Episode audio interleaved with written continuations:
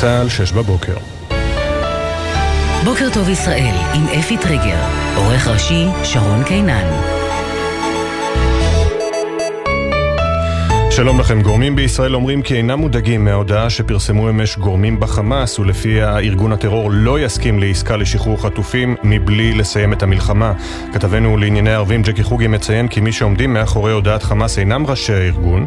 נציגי המדינות המתווכות עדיין לא תדרכו את ראשי חמאס באופן מסודר לגבי הסיכומים שהושגו בפסגת פריז בינם לבין ישראל, כך אמר גורם מדיני לכתבנו יובל שגב. עוד הוסיף הגורם כי הצדדים עדיין רחוקים מסיכום על עסקה, וכי עוד לא התקיים שיח אמיתי באשר למפתח האסירים הפלסטינים שישוחררו תמורת החטופים. בישראל מוכנים לשלם מחיר גבוה, אך לא לשחרר אלפי אסירים כפי שנטען אמש. שר החוץ של ארצות הברית אנטוני בלינקן הגדיר הלילה את הדיונים רציניים, אבל הדגיש שהמשך התהליך תלוי בחמאס. One and uh, a compelling one that uh, again offers some hope that we can get back uh, to this process. But uh, Hamas will have to make its, uh, its own decision.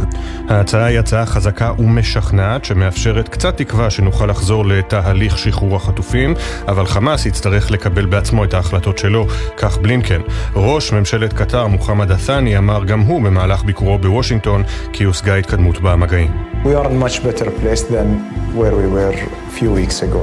We are hoping actually to relay this proposal to Hamas and to get them to a place where uh, they engage positively and constructively in the process. אנחנו במקום הרבה יותר טוב מכפי שהיינו לפני כמה שבועות. אנו מקווים להעביר את ההצעה הקיימת לחמאס ולהביא אותם למקום שבו הם מעורבים בצורה חיובית ובונה בתהליך, כך ראש ממשלת קטאר, שנפגש אתמול בוושינגטון עם שר החוץ בלינקן ובכירים נוספים בממשל ביידן ובקונגרס. ראש השב"כ רונן בר נפגש אמש בקהיר עם עמיתו המצרי עבאס כאמל כדי להוריד את המתח בין מצרים לישראל ברקע האפשרות שצה"ל יפעל באזור רפיח. כך פורסם הלילה באתר החדשות האמריקני אקסיוס על ידי ברק רביד. המצרים הודיעו שלשום כי לא יאפשרו פעולה של צה"ל באזור רפיח בשל חשש לפריצת הגבול על ידי יותר ממיליון העקורים הפלסטינים שהתרכזו באזור לאחר הפעולות הישראליות בח'אן יונס ובצפון הרצועה. מצבו של החייל שנפצע אתמול בפיגוע המשולב בחיפה מוגדר הבוקר בינוני ויציב. החייל שפונה מזירת הפיגוע לבית החולים רמב"ם במצב קשה עבר אמש סדרת ניתוחים שארכה כשמונה שעות. מבצע הפיגוע, ווסים אבו אל-היג'ה, הוא ערבי ישראלי, בן 27 מהיישוב תמרה שבגליל המערבי. המחבל חוסל בזירה בידי קצין צה"ל, מפקד צוות בקורס חובלים, שהגיע לשער בסיס ההדרכה של חיל הים הסמוך למקום, לאחר ששמע זעקות לעזרה מאזרחים. משרד האוצר ממשיך לדחות את הגשת תקציב 2024 לאישור הכנסת. על פי גורמים במשרד, העיכוב נובע מכך ששר האוצר סמוטריץ' עדיין מנסה לכלול את הכספים הקואליציוניים בבסיס התקציב כדי להקשות על קיצוץ עתידי שלהם בהמשך. נוכח הדחייה המסתמנת, ייוותרו לוועדת הכספים רק 13 ימים, כך נראה, לדון בכל סעיפי התקציב המתוקן לפני אישורו הסופי. הידרדרות מתונה בציון של ישראל במדד השחיתות העולמי של ארגון השקיפות הבינלאומי לשנת 2023, המתפרסם הבוקר. ישראל ירדה בשני מקומות בהשוואה לשנה הקודמת ומדורגת כעת במקום ה-33 מבין 180 מדינות. מבין 38 מדינות ה-OECD שברשימה, ישראל נמצאת במקום ה-23. הציון העולמי הממוצע נותר ללא שינוי במשך כעשור, 43, כשבראש הטבלה ממוקמת דנמרק עם ציון 90, ובתחתית המושחתת המושחתת ביותר על פי המדד סומליה, עם 11 נקודות בלבד. אילון מאסק אה, טוען כי שבב מחשב הושתל לראשונה במוחו של אדם, כך הודיע הלילה היזם והמיליארדר, שהוא גם הבעלים של חברת ניורלינק, המפתחת את הטכנולוגיה שאמורה לאפשר לשבב, שנקרא טלפתיה, למשתמש בשבב, שליטה במכשיר הטלפון הנייד, במחשב ובמכשירים נוספים באמצעות המחשבה בלבד. מאסק כתב ברשת X, לשעבר טוויטר, כי הראשונים שיזכו להשתמש במוצר יהיו קטועי גפיים. מנהל המזון והתרופות האמריקני אישר לחברה בשנה שעברה לערוך לערוך את הניסוי הראשון שלה לבדיקת השבב על בני אדם. נדגיש כי חברות נוספות טוענות שבידיהן טכנולוגיה דומה. מזג האוויר, גשם ירד לפרקים, מלווה בסופות רעמים יחידות, בעיקר בצפון הארץ ובמישור החוף. בחרמון ירד שלג, תיתכנה הצפות מקומיות, בעיקר בצפון מישור החוף, ותנשבנה רוחות חזקות, ויעשה קר מהרגיל לעונה. בוקר טוב ישראל עם אפי טריגר.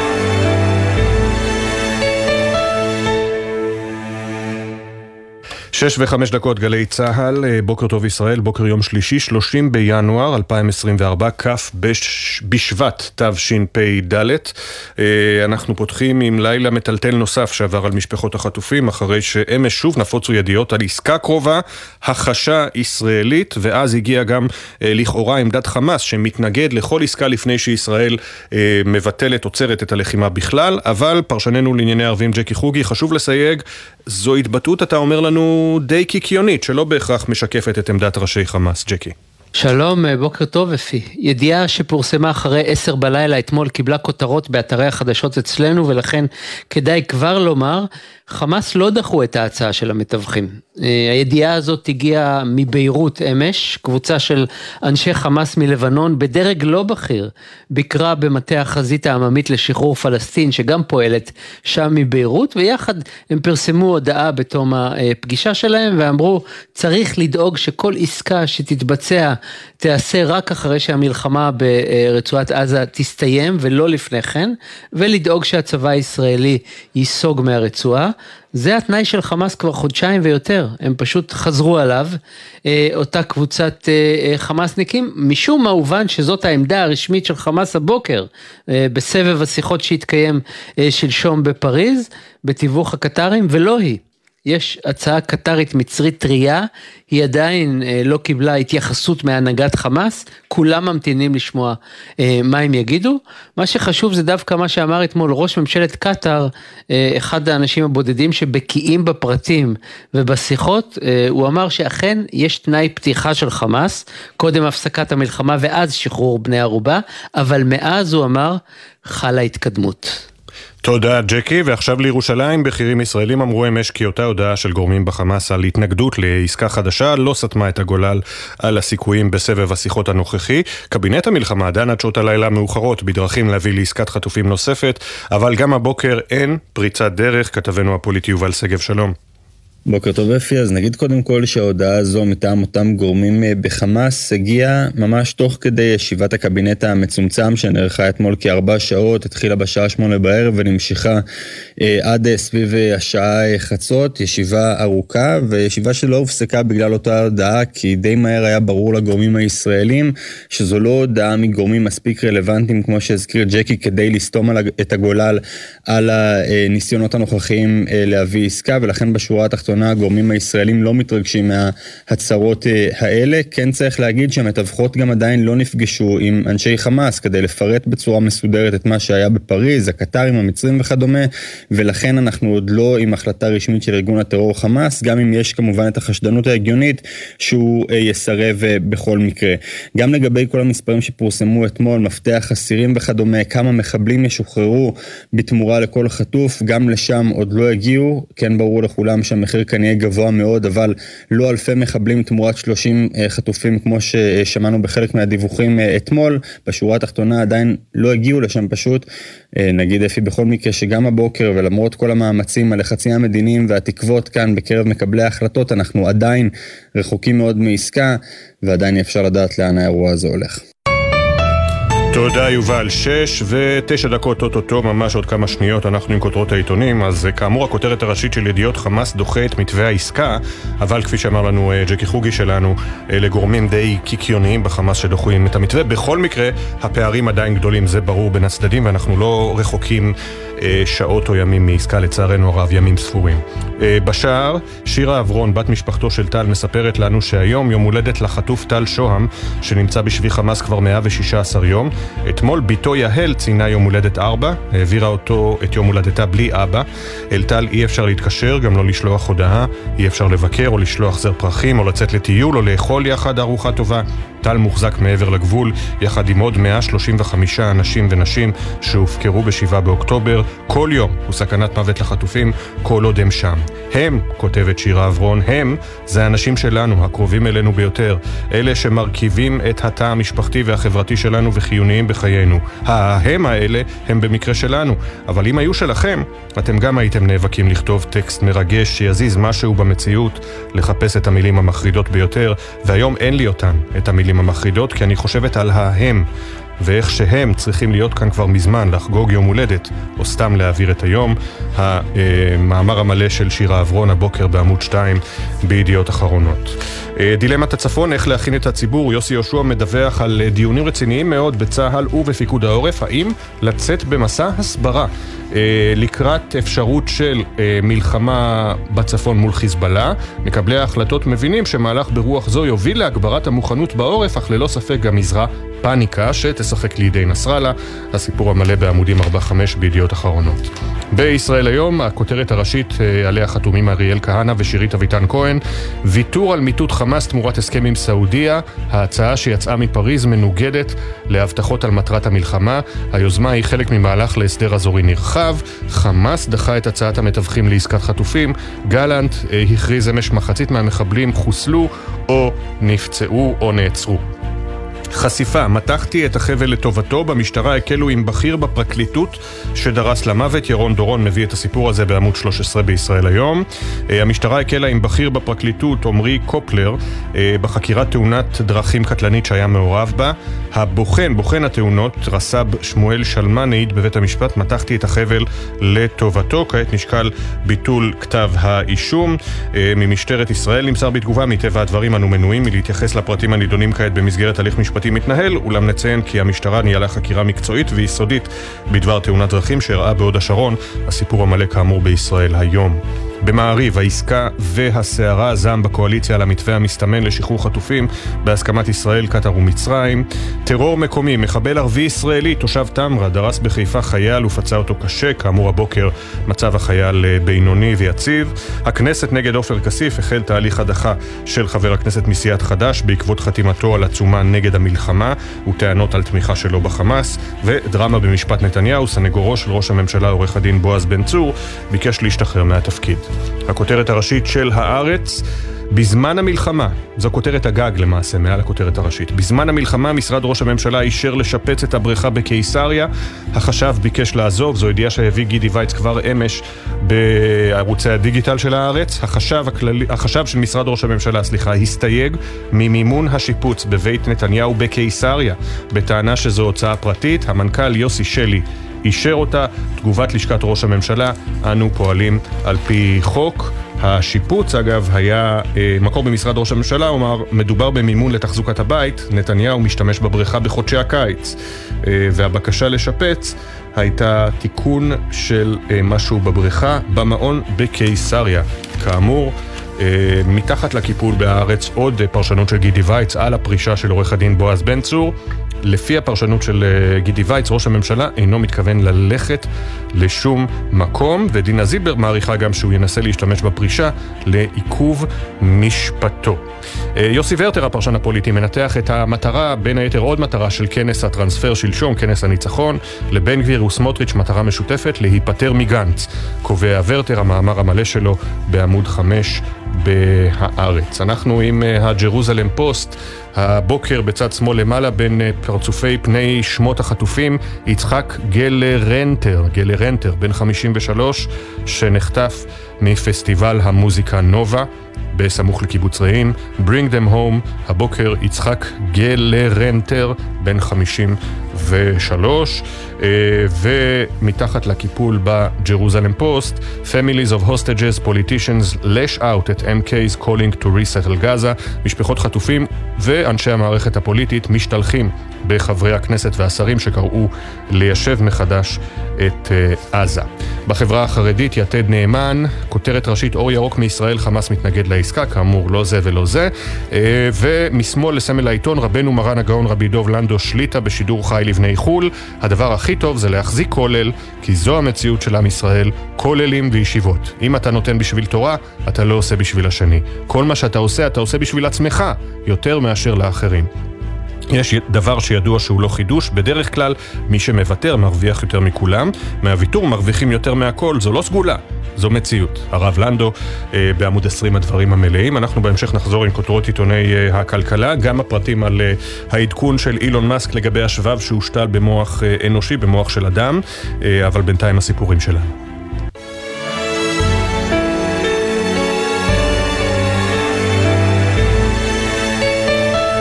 ולא סתם סיפורים שלנו, סיפורים מעניינים מאוד כידוע, השעה עכשיו שש ורבע בדיוק, מאז פרוץ המלחמה. אנחנו שומעים כמעט בדרך קבע את הפרשנים השונים באולפני הטלוויזיה, מסבירים כיצד חשוב שהמדיניות של ישראל במזרח התיכון תדבר ערבית. אך מה לגבי השירותים הממשלתיים ל-20% מהאוכלוסייה?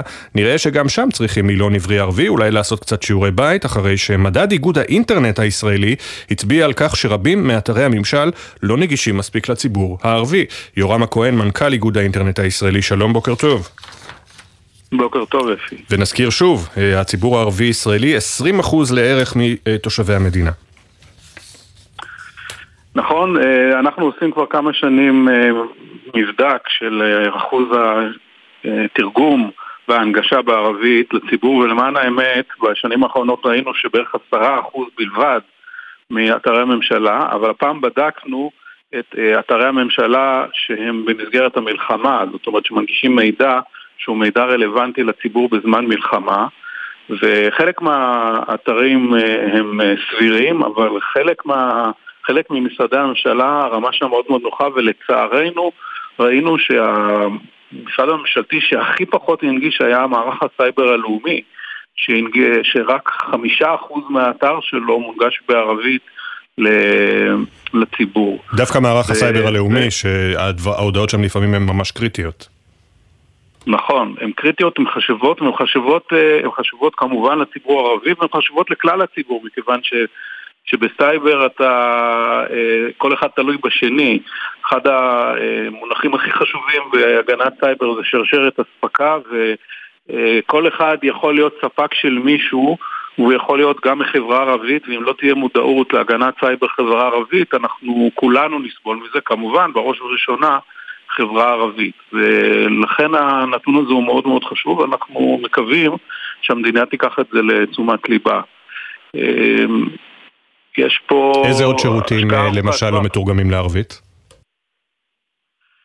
איזה שירותים? יש שירותים שלא מתורגמים לערבית ובצדק. נניח אה, אם, אה, אם מדובר על ניצולי שואה, אז סביר להניח שלא צריך. אבל באופן עקרוני, העמדה שלנו זה שצריך לתרגם לשפת האם של 20% מתושבי המדינה את כל השירותים הממשלתיים. בסופו של דבר כולם מרוויחים מזה, כולל המדינה, מכיוון שאתה, כשאתה מעביר שירותים לאינטרנט ו, ואנשים סומכים על מה שהם רואים, אז הם עושים שימוש וזה מוריד עומס אה, מפקידים, מפקידים שצריך לתת שירות ב, בלשכות. ולכן העמדה שלנו זה שצריך הכל לתרגם, ואגב זה לא לתרגם, זה להנגיש.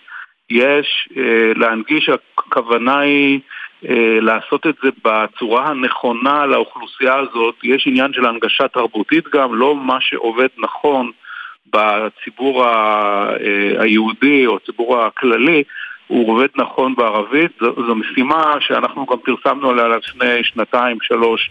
מסמך מאוד מאוד מקיף של איך לעשות את זה נכון ו... ואני חייב להגיד שיש לזה אפילו מימון ב...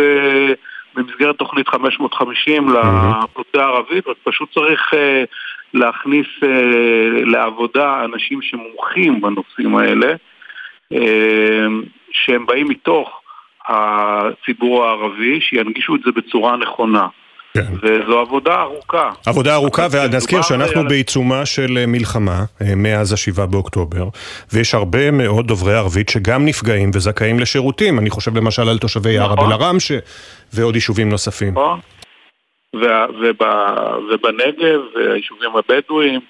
אה, אז בהחלט, זו חובתה של, זו חובתה של המדינה להנגיש את המידע בצורה הזאת, וזה חבל מאוד שחלק מהמשרדים לא הנגישו. יש משרדים שרמת ההנגשה שלהם סבירה, נניח משרד החקלאות, משרד התקשורת, אבל יש משרדים שבהחלט אה, צריכים לשפר את זה, וזה צריך להיכנס לתהליכי ה... לתהליכים השגרתיים, ובשביל זה צריכה להיות תשתית במשרדי הממשלה שתעשה את זה באופן קבוע.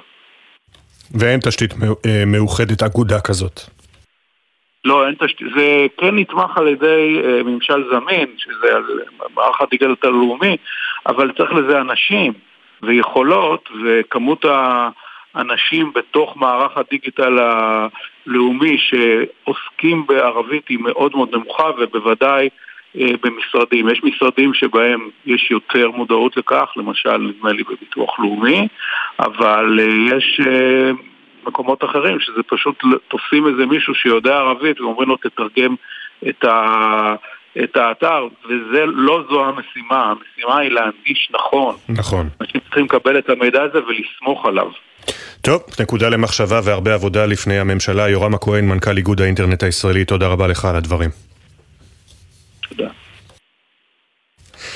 עניין אחר, אם תשאלו חקלאי מדוע הוא אוהב את עבודת האדמה, התשובה לא תהיה ככל הנראה בצע כסף, אלא הקימה עם שחר, ריח התבן והחציר, פעיית הפרות, או צליחת קילומטרים של שדות ממרומי הטרקטור, תוך האזנה לשעה הראשונה של בוקר טוב ישראל.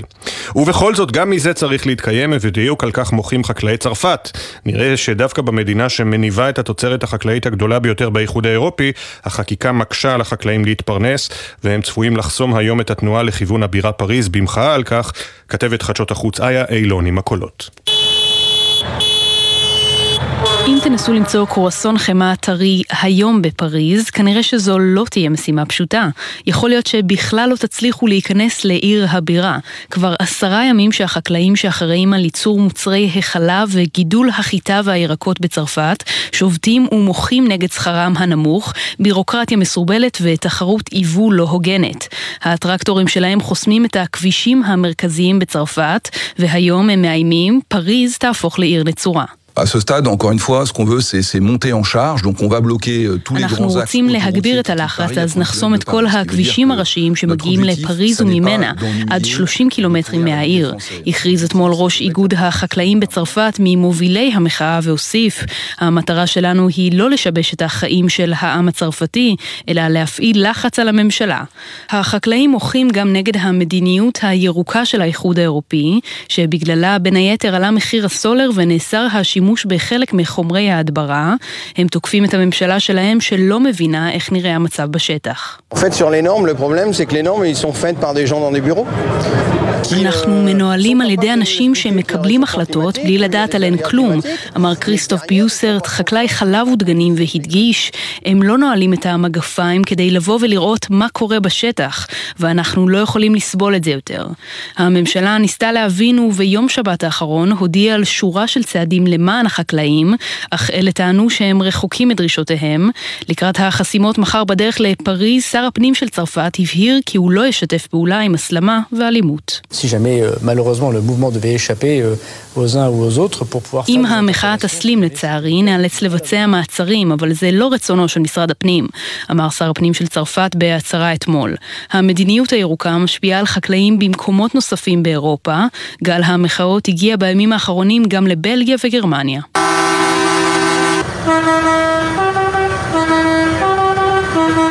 ממשלת צרפת עדכנה כי ככל הנראה היום תכריז על צעדים חדשים שיסייעו לחקלאים. בינתיים 15 אלף השוטרים שהוצבו מחוץ לפריז יחכו לטרקטורים הרועשים. עדיין לא ברור אם ינסו לפרוץ את המחסום ולהיכנס ולמחות ברחובות הבירה.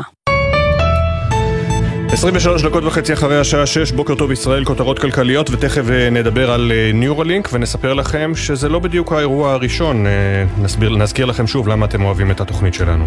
ממון שלישי, ידיעות אחרונות בשער, פניהם של שלושה מילואימניקים, סטודנטים, לומדים בדרך קשה, זו כותרת הכתבה של איריס ליפשיץ קליגר, אלפי סטודנטים שהשתחררו ממילואים נאלצים לנהל מלחמה חדשה, להתפרנס, וגם להשלים סמסטר בכמה שבועות, בזמן שהמדינה והמוסדות להשכלה גבוהה לא עומדים בהקלות הכלכליות והאקדמיות שהבטיחו. הכתבה המלאה בעמודים 4-5, למשל עדי שושן, לוחמת הגנה אווירית, אומרת לוחמים אומרים לי חזרתי מהשטח, אני צריך לטפל בעצמי נפשית, אני לא מצליח להתרכז בכלום.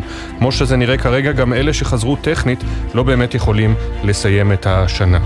הכתבה המלאה והחשובה בעמודים 4-5 בממון ידיעות אחרונות. בכלכליסט, הכותרת הראשית, לומד מנתניהו, ניר ברקת מציג צונאמי במחירי המזון, חידלון ממשלתי והטחת האשמות.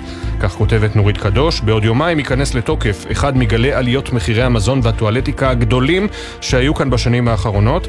בחלק מהחברות זאת תהיה העלאת מחירים שלישית תוך שנתיים. שר הכלכלה החליט לגלגל את האשמה אל הממונה על התחרות, שלה יש חלק בהתרת הרסן מצידם של היצרנים היבואנים ורשתות רשתות השיווק, אלא שלברקת יש חלק מהותי לא פחות במצב שאליו הגיע הצרכן הישראלי, ומבקר המדינה מצא כשלים מהותיים בתפקוד משרדו. נורית קדוש מדווחת בעמודים 4-5. ידיעה בלעדית של גולן חזני, קבוצה של שלושה אנשי עסקים אמריקאים בראשות מייקל אלפרט רוצה לרכוש את השליטה בשופרסל. כך נודע לכלכליסט, אלפרט שכר לצורך הרכישה את בנק ההשקעות ג'פריז, שילווה אותו במהלך לרכישת 20 עד 25 אחוז מהחברה. מייקל אלפרט הוא שותפו של בן אשכנזי בחברת אשכנזי אקוויזישן, חברת נדל"ן עם נכסים בהיקף של כ-12 מיליארד דולר, המחזיקה בכמה אייקונים בארצות הברית. בגלובס, לקראת הגשת התקציב ל-2024, ערבויות מדינה ושינוי מס השבח, תוכנית האוצר החדשה לענף הנדל"ן. יובל ניסני מקבל את הכותרת הראשית, הכתבה המלאה בעמוד 7. יש גם ידיעה בלעדית, רשות ניירות הערך בודקת ליקויים בהפצת קרנות השקעה פרטיות, מדווח רועי ויינברגר. הבדיקה מתמקדת בתחום ההשקעות האלטרנטיביות. בין היתר נבדקים חשדות שלפיהם הוצאו ללקוחות קרנות השקעה ללא פרסום תשקיף, כמתחייב מהוראות הרשות. חשוד בפרשה כבר נחקר וצו איסור פרסום הוטל על זהותו. בואו נחפש את הציטוט היומי, הבוקר מאת סי.אס לואיס. משימתו של המחנך המודרני היא לא לקצץ ג'ונגלים, אלא להשקות מדבריות. וואו, איזה יופי, לא הכרתי את זה. סי.אס לואיס, משימתו של המחנך המודרני היא לא לקצץ ג'ונגלים, אלא להשקות מדבריות. בדה מרקר, בכירי האוצר נגד הצ'ופר של לשכת נתניהו לאלפיון. זו הכותרת הראשית מאת נתי טוקר, הסיפור המלא בעמוד 5. ראש הממשלה ויועצו הכלכלי אבי שמחון מקדמים מבצע הנחות לעידוד חלוקת דיבידנדים כדי להקטין את הגירעון ב-2024. אגף התקציבים והכלכלן הראשי מתנגדים להצעה בחריפות ושלחו נייר עמדה שמצא כי מבצעים כאלה מקטינים את הכנסות המדינה בטווח הארוך ומגדילים את האי שוויון. הסיפור המלא בעמוד 5. הגענו אל אילון מאסק שכאמור בחשבון ה-X שלו הודיע על השתלה ראשונה של שבב מאת חברת נורלינק שבבעלותו במוחו של בן אנוש.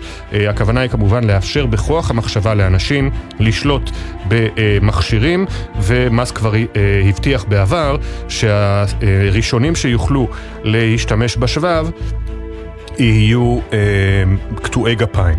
הוא מפרט גם בציוץ שלו, כרגע השבב מאפשר שליטה בטלפון שלכם במחשב אה, ובאמצעותם כמעט בכל אה, מכשיר, רק באמצעות מחשבה. עכשיו שימו לב למידע הבא שתשמעו, אה, כנראה שאתם יכולים לשמוע אותו אה, רק כאן, טפיחה עצמית על השכם. אה, האם ידעתם האם שמעתם פעם על קווין וורוויק? אם אתם לא מדעני מחשב, כנראה שלא. קווין וורוויק היה אה, מומחה ללימודי אה, המחשב ומהנדס באוניברסיטה לא נחשבת במיוחד, באוניברסיטת קובנטרי בבריטניה. הוא השתיל בעצמו ב-1998 לא שבב, אלא משדר RFID, מעין טרנזיסטור כזה, ביד. עם הרבה מאוד חוטים, ש... ולאחר ההשתלה הוא היה מגיע לכיתה, האורות היו נדלקים מעצמם, כי הוא היה חושב תדליקו את האורות, כמובן מסך המחשב והכל. לא סיימנו. בראותו כי טוב, השתיל את הציוד הזה גם באשתו. זה קרה באמת, 1998, חפשו קווין וורוויק, יש הרבה מאוד חומרי ארכיון. השתיל את זה גם באשתו. הם הגיעו למצב שקראו להם הזוג הביוני, וכשהיא הייתה חושבת על לפתוח את היד, היד של קווין הייתה נפתחת. אמיתי לחלוטין. אז שלא תיתנו לאילון מאסק לעבוד עליכם, תאמינו רק לעובדות. וזה היה משדר טרנזיסטור כמובן, לא שבב משוכלל, חפשו קווין וורוויק בגוגל, או פשוט צפו כמו סחבק, ג'חנון הגדול, כל שבוע בסדרה Unbelievable עם דן אקרויד בערוץ ההיסטוריה. יוצאים לכמה הודעות, מיד חוזרים.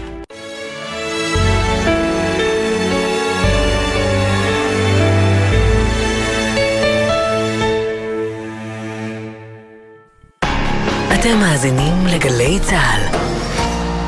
אחינו כל בית ישראל הנתונים בצרה ובשביה, העומדים בין בים ובין ביבשה. המקום ירחם עליהם, ויוציאם מצרה לרווחה, ומאפלה לאורה, ומשעבוד לגאולה, השתה בעגלה ובזמן קריב, ונאמר אמן. כולנו מייחלים עם זיו שילון להשבת החטופים במהרה ובשלום. משעבוד לגאולה מאפלה לאורה אולי עכשיו קצת קשה להגיד שיהיה בסדר, ובכל זאת, תנו לנו לנסות. בזכותכם, בזכותכם. לא נראה לי שזה היה קורה בלעדיכם. אתם הגימורים שלי. אתם עוזרים לי לקוות בתקופה לא קלה לכולנו שבזכות אנשים כמוכם עוד יהיה פה בסדר. זכויותיכם נפגעו, זקוקים לעזרה, אין לכם מענה מהמדינה? כתבו לנו בעמוד הפייסבוק יהיה בסדר בגל"צ, או בדואר האלקטרוני אוקיי כרוכית glz.co.il, ויש מצב שיהיה בסדר. ראשון עד רביעי, שלוש בצהריים, גלי צה"ל. עכשיו בגלי צה"ל, אפי טריגר, עם בוקר טוב ישראל. 6 ו-30 בדיוק הכותרות. גורמים בישראל אומרים כי אינם מודאגים מהודעת הדחייה שפרסמו אמש גורמים בחמאס בנוגע לעסקת חטופים חדשה. הגורמים טענו שאין מה לדבר על עסקה לפני שהמלחמה מסתיימת. פרשננו לענייני ערבים ג'קי חוגי מציין כי מי שעומדים מאחורי ההודעה אינם ראשי הארגון. נציגי המדינות המתווכות עדיין לא תדרכו את ראשי חמאס באופן מסודר לגבי הסיכומים שהושגו בפסגת פריז, כך אמר גורם מדיני לכתבנו יובל שגב. עוד הוסיף הגורם כי הצדדים עדיין רחוקים מסיכום העסקה וכי עוד לא התקיים שיח אמיתי באשר למפתח האסירים הפלסטינים ששוחררו תמורת החטופים. בישראל מוכנים למחיר גבוה, אבל לא לשחרר אלפי אסירים, כפי שנטען אמש. שר החוץ של ארה"ב אנטוני בלינקן הגדיר הלילה את הדיונים רציניים, אך הדגיש, המשך התהליך תלוי בחמאס. And uh, that uh, again we can get back to this process, but uh, Hamas will have to make its, uh, its own decision. ההצעה היא הצעה חזקה, משכנעת ומאפשרת קצת תקווה שנוכל לחזור לתהליך שחרור חטופים, אבל חמאס יצטרך לקבל בעצמו את החלטותיו, כך בלינקן. ראש השב"כ רונן בר נועד אמש בקהיר עם עמיתו אה, המצרי, עבאס כאמל, כדי להוריד את המתח בין מצרים לישראל ברקע האפשרות שצה"ל יפעל באזור רפיח, כך פורסם הלילה באתר החדשות האמריקני אקסיוס על ידי ברק רביד. המצרים הודיעו שלשום כי לא יאפשרו פעולה של צה"ל באזור רפיח בשל חשש לפריצת הגבול על ידי יותר ממיליון העקורים הפלסטינים שהתרכזו באזור לאחר הפעולות הישראליות בח'אן יונס ובצפון רצועת עזה. עדכוני תנועה מגלגלצ, כביש 65 עמוס מצומת מי עמי עד מחלף עירון, בכביש 6 דרומה יש עומס תנועה לסירוגין ממחלף עירון עד אייל, כביש החוף דרומה עמוס מאור עקיבא עד קיסריה, מזג האוויר החורף נמשך והיום ירד גשם לפרקים מלווה בסופות רעמים יחידות, בעיקר בצפון הארץ ובמישור החוף, בחרמון ירד שלג, תיתכנה הצפות מקומיות, בעיקר בצפון מישור החוף, תנשבנה רוחות חזקות ויעשה קר מהרגיל לעונה. 632. מאז השבעה באוקטובר נגזר על הלבבות של כולנו להכיל אין ספור אבדות, אין ספור טרגדיות, אין ספור סיפורים על מי שהיו ואינם, או מי שחייהם השתנו ללא היכר. ביום אחד, בבוקר אחד. רבים מאיתנו רוצים לזכור ולהזכיר, לחזק ולשמוע, ועל אף המספר הגדול, לא לאפשר לאף אחד להיות רק שם. אחד המיזמים הללו הוא ספר שיושק מחר, שמרכז 67 קטעים, טקסטים, המכילים את סיפוריהם האישיים של נופלים, נרצחים וחטופים וניצולים מהנובה ויישובי העוטף. מצטרפת אלינו סיגל צור, אמו של סמל ראשון עדי צור, זיכרונו לברכה, לוחם בגדוד 51 גולני, שנפל ב-7 באוקטובר. שלום סיגל, תודה שאת מצטרפת אלינו. בוקר טוב. בוקר טוב אפי. משתתפים כמובן בצערכם הכבד, היום 116 יום אחרי. אה, ספרי לנו על החיים שאחרי. החיים, ש... החיים שאחרי הם... איך אומרים, זה לא יום ביומו, זה רגע ברגעו, התחושות, ה... הכ... הכאב יותר מפלח, אתה יודע, ככל שעובר כל יום, ההתמודדות היא מאוד קשה, הגודל האובדן, ההבנה כנראה, זה מאוד קשה ההתמודדות. אנחנו מנסים בכל מיני דרכים, איך אומרים, לתאר את הכאב בעשייה, בשותפות במיזמים. מאוד קשה, החוסר של עדי מאוד מאוד פער בו מאוד גדול אצלו בבית. איך הייתי מגדירה את זה? אתה עושה דברים, אבל אתה מרגיש שזה, איך אומרים, ללא חדווה. השמחה כאילו עבדה. את כותבת בספר שהתפרסם מחר, כאמור, הספר שנקרא השבעה באוקטובר, ילד נכון. שלי, ילד קטן שלי, בן זקוניי, הקינוח שלנו. היום, כמו תמיד, לאורך חייך ליוויתי אותך, אבל הפעם, בדרכך האחרונה. נכון, נכון. זו הייתה תחושה, עדי היה אה, בנינו הצעיר, אה, מה שנקרא באמת הדיזרט הקינוח. אה, זה בא ביום הזה, זה היה הפעם האחרונה שבאמת ליווינו אותו. דיברנו, אם אתה זוכר, לפני כחודשיים, במיזם ראשוני שעשינו. הפרחת הבלונים. כן, לכבוד יום הולדתו, שאחד ממש כמעט חודשיים אחרי שהוא נהרג. ואחרי כן. השלושים פנו אלייך ביוזמה לכתיבת הספר, ספרי לנו באמת על ההחלטה להצטרף לזה. זה מיזם מדהים, התוודעתי עד כאמור כעבור השלושים, שבעצם מתחכה אחרי אירועי השביעי באוקטובר. רעיון שבראשו עומד יזם צעיר בשם טל צ'ייקה ועוד מספר שותפים אקטיביים שהם ליקטו ופעלו יחדיו ממש בהתנדבות מלאה לתיעוד והנצחת האירועי השביעי באוקטובר וכפי שהם באים לביטוי בספר הזה כמו שציינת, מכיל 67 טקסטים שנכתבו עוד המשפחות השכולות, ניצולים מהקיבוצים, מהמסיבה בנובה משפחות החטופים, זה יוצר מארג באמת מרגש של פסיפס אנושי אה, שמספר את הסיפור האישי השזור בסיפור הלאומי מאירועי השביעי הארור הזה. ומחר בערב תהיה בעצם ההשקה שלו. וצריך לומר שכל ההכנסות מהספר הזה הן למיזמים שקשורים לשבעה באוקטובר, לחטופים, לנרצחים, כלומר ההכנסות מהספר הזה הולכות אה, ישירות להמשך ההנצחה. נכון, נכון, הוא כבר, נכון, יעמדו להנצחה ולמען לטובת הנפגעים מהשביעי והוא יהיה גם, הספר הזה חשוב להגיד שהוא נפתח בהוקרה של נשיא המדינה והוא יהיה נגיש לרשות הציבור בסטימצקי, בצורת ספרים ואחר כך באתר גם עברית במהדורה הדיגיטלית כך שהוא באמת ההכנסות שלו יועברו באמת לטובת הציבור. הנדרש, וגם הספר הזה, כיוון, כדי שתהיה לו תעודה עולמית, תורגם כבר לאנגלית ולספרדית, ותהיה לו במשך השקה בבריטניה, בארצות הברית, כדי להדהד את הסיפורים ולהנציח אותם גם בעולם. איזה יופי. אה, השבעה באוקטובר, הספר מושק מחר, וכאמור, שוב, נזכיר, כל ההכנסות להמשך עבודת ההנצחה והעבודה למען החטופים. סיגל צור, אמו של כן. סמל ראשון עדי צור, זיכרונו לברכה, שנפל בשבעה באוקטובר. אה, תודה רבה שוב שדיברת איתנו. תודה לכם, בוקר טוב. בוקר טוב. 6.37, אם יש דבר אחד שלא נחסך בשנה וחצי החולפות מהממשלה שלנו כיאה למדינה דמוקרטית, זה ביקורת מבית ומחוץ, ומדד השחיתות העולמי שמתפרסם בבוקר הוא תוספת קטנה לביקורת הזו, כשעל פי הנתונים העולים ממנו, השלטון בישראל הפך מעט מושחת יותר מאז השנה שקדמה לה. אמנם מדובר בירידה קלה ביחס לטלטלת התוכנית המשפטית, אבל כתבתנו לענייני משפט אמר שונמי, את מספרת לנו שהמיקום שלנו עדיין לא מזהיר בין מדינות העולם המערבי, בין מדינות ה-OECD, את מביאה את הפרטים וגם התשובה לשאלה מי המדינה הכי מושחתת, תמר שלום.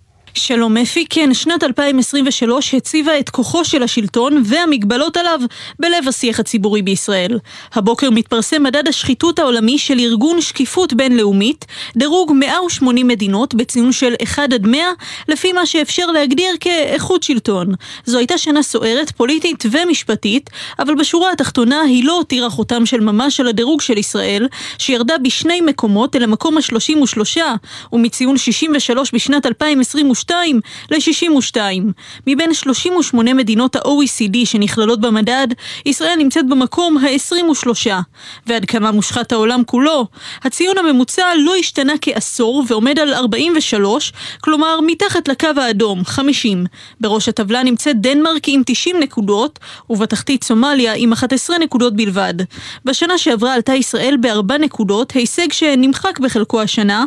בדירוג קושרים באופן כללי בניסיונות החלשה של מערכות המשפט לבין שחיתות שלטונית, וגם אחרי המהפכה המשפטית, לישראל יש לאן לשאוף, וגם לאן להידרדר. אנחנו ממשיכים הבוקר במיזם שלנו מאחורי השמות. מדי בוקר מספרים כאן משהו קצר על כל נרצח ונופל, אנקדוטות שאת חלקן בני משפחה וחברים שלחו לנו. נעשה זאת על כל אחד ואחת מאחורי השמות.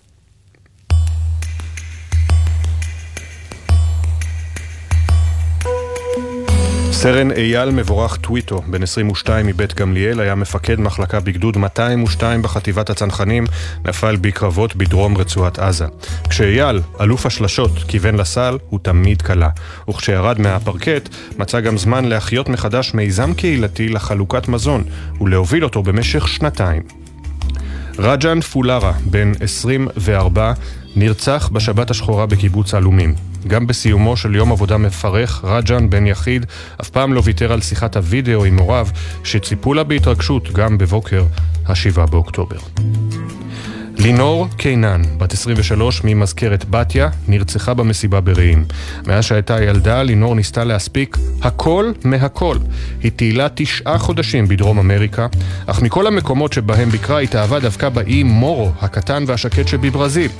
ולנובה נסעה עם החברים שהכירה במסע. רב סמל במילואים אחמד אבו לטיף, בן 26 מרהט, היה לוחם בגדוד 8208 שבחטיבה 261, נפל בקרבות בדרום רצועת עזה. אחמד השכים קום ממעלות השמש, לפעמים אפילו לפניה, ואפילו בשבת יצא מהמיטה כבר בחמש בבוקר ודאג להכין לכל חבריו לצוות קפה. הוא חלם ללמוד היסטוריה, עליה אהב לקרוא ולספר. רג'ש קומר סווארנקר, בן 25, נרצח בשבת השחורה בקיבוץ עלומים. רג'ש, שהגיע ארצה מנפאל ללימודי חקלאות וכונה התקווה של המשפחה, חלם להשתלב בשירות הציבורי בנפאל. רב סמל במילואים אלקנה יהודה ספז, בן 25 מקריית ארבע, היה לוחם בגדוד 8208 שבחטיבה 261, נפל בקרבות בדרום רצועת עזה. עם אלקנה אף אחד לא נשאר רעב, הוא חילק את זמנו בין ערבי ההמבורגרים שארגן ומטבח המסעדה האיטלקית שבה עבד, ובדרך גם ידע להמליץ על המקומות הכי שווים. גם כשיצא לבלות בערב, היה מסדר מגש פיצה לכל החברים. השמות, הפנים. הסיפורים המלאים יעלו בהמשך לעמוד האינסטגרם והפייסבוק של גלי צה"ל. נזכיר, בני משפחה וחברים מוזמנים לשלוח לנו סיפורים ותמונות למייל זיכרון שטרודל glz.co.il זיכרון עם K. תודה רבה לתמר שונמי, שירה שפי וכרמל אייל שהביאו את הסיפורים לשידור. תודה גם לרן לוי ויוסי ריס על העריכה הדיגיטלית של המיזם, יאריק וטקוביץ' על העיצוב הגרפי ונטע לב טננבאום על ההפקה לדיגיטל.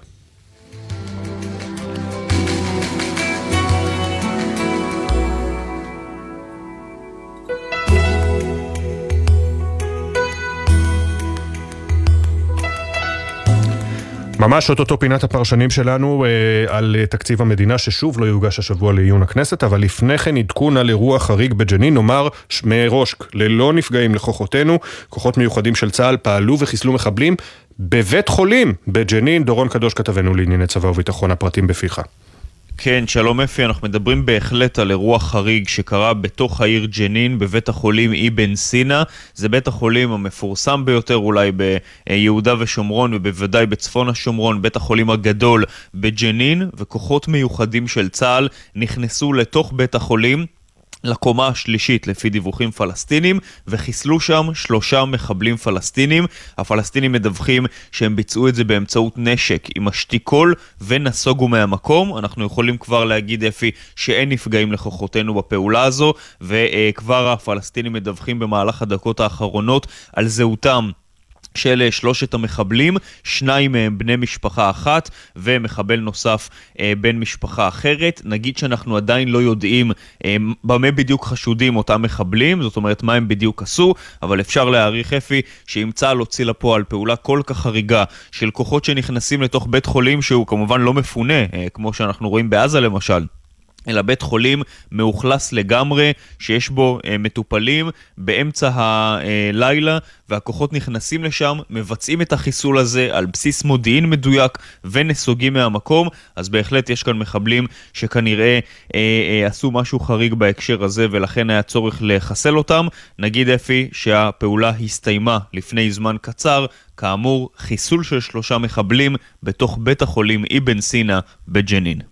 ונדגיש שוב, ללא נפגעים אה, לכוחותינו. תודה, דורון. תודה. עכשיו אל פינת הפרשנים שלנו. אה, היינו אמורים אה, לקבל הבוקר, לא רק אנחנו, חברי הכנסת, לעיוננו את תקציב המדינה המתוקן לשנת 2024, את ספר התקציב, הוא אמור היה להיות מונח על שולחן הכנסת. זה נדחה בעוד שבוע, וההערכה היא שזה כי שר האוצר, בצלאל סמוטריץ', ממשיך לחפש דרכים להכניס את הכספים הקואליציוניים בבסיס התקציב. למה זה כל כך חשוב לו? מה זה אומר בסיס התקציב? מה זה אומר העיכוב הזה? אולי אנחנו סתם חמוצים, כמאמר אחד מראשי הקואליציה בעבר. איתנו מירב ארלוזורוב, עיתונאית דה מרקר, שלום לך, בוקר טוב. בוקר טוב. וגל הרשקוביץ, לשעבר הממונה על התקציבים במשרד האוצר, שלום לך, בוקר טוב. בוקר טוב. אה, שר האוצר סמוטריץ' ומקורביו וגל הרשקוביץ ניסו לשווק לנו את זה כסופם של הכספים הקואליציוניים. לא יהיו יותר כספים קואליציוניים, אבל אז התברר שהכוונה שלהם היא פשוט להכניס את זה לבסיס התקציב. מה, מה זה אומר? אני רוצה רגע להבהיר, רגע כן, שנייה, אבל לא, זה לא נכון, כי ההכנסה לבסיס התקציב נדחתה בכל מקרה לשנה הבאה, משרד אוקיי. המשפטים לא הסכים שזה יקרה השנה. אז הוויכוח עד... עכשיו הוא ויכוח מקדים להכנסה לבסיס התקציב. אהה, הבנתי. אז זה, זה תיקון חשוב מאוד. אז בעצם הדחייה, מירב, את אומרת לנו, מירב ארלוזורוב, שהדחייה היא כי סמוטריץ' מחפש את הדרך להכניס את זה ל-2025.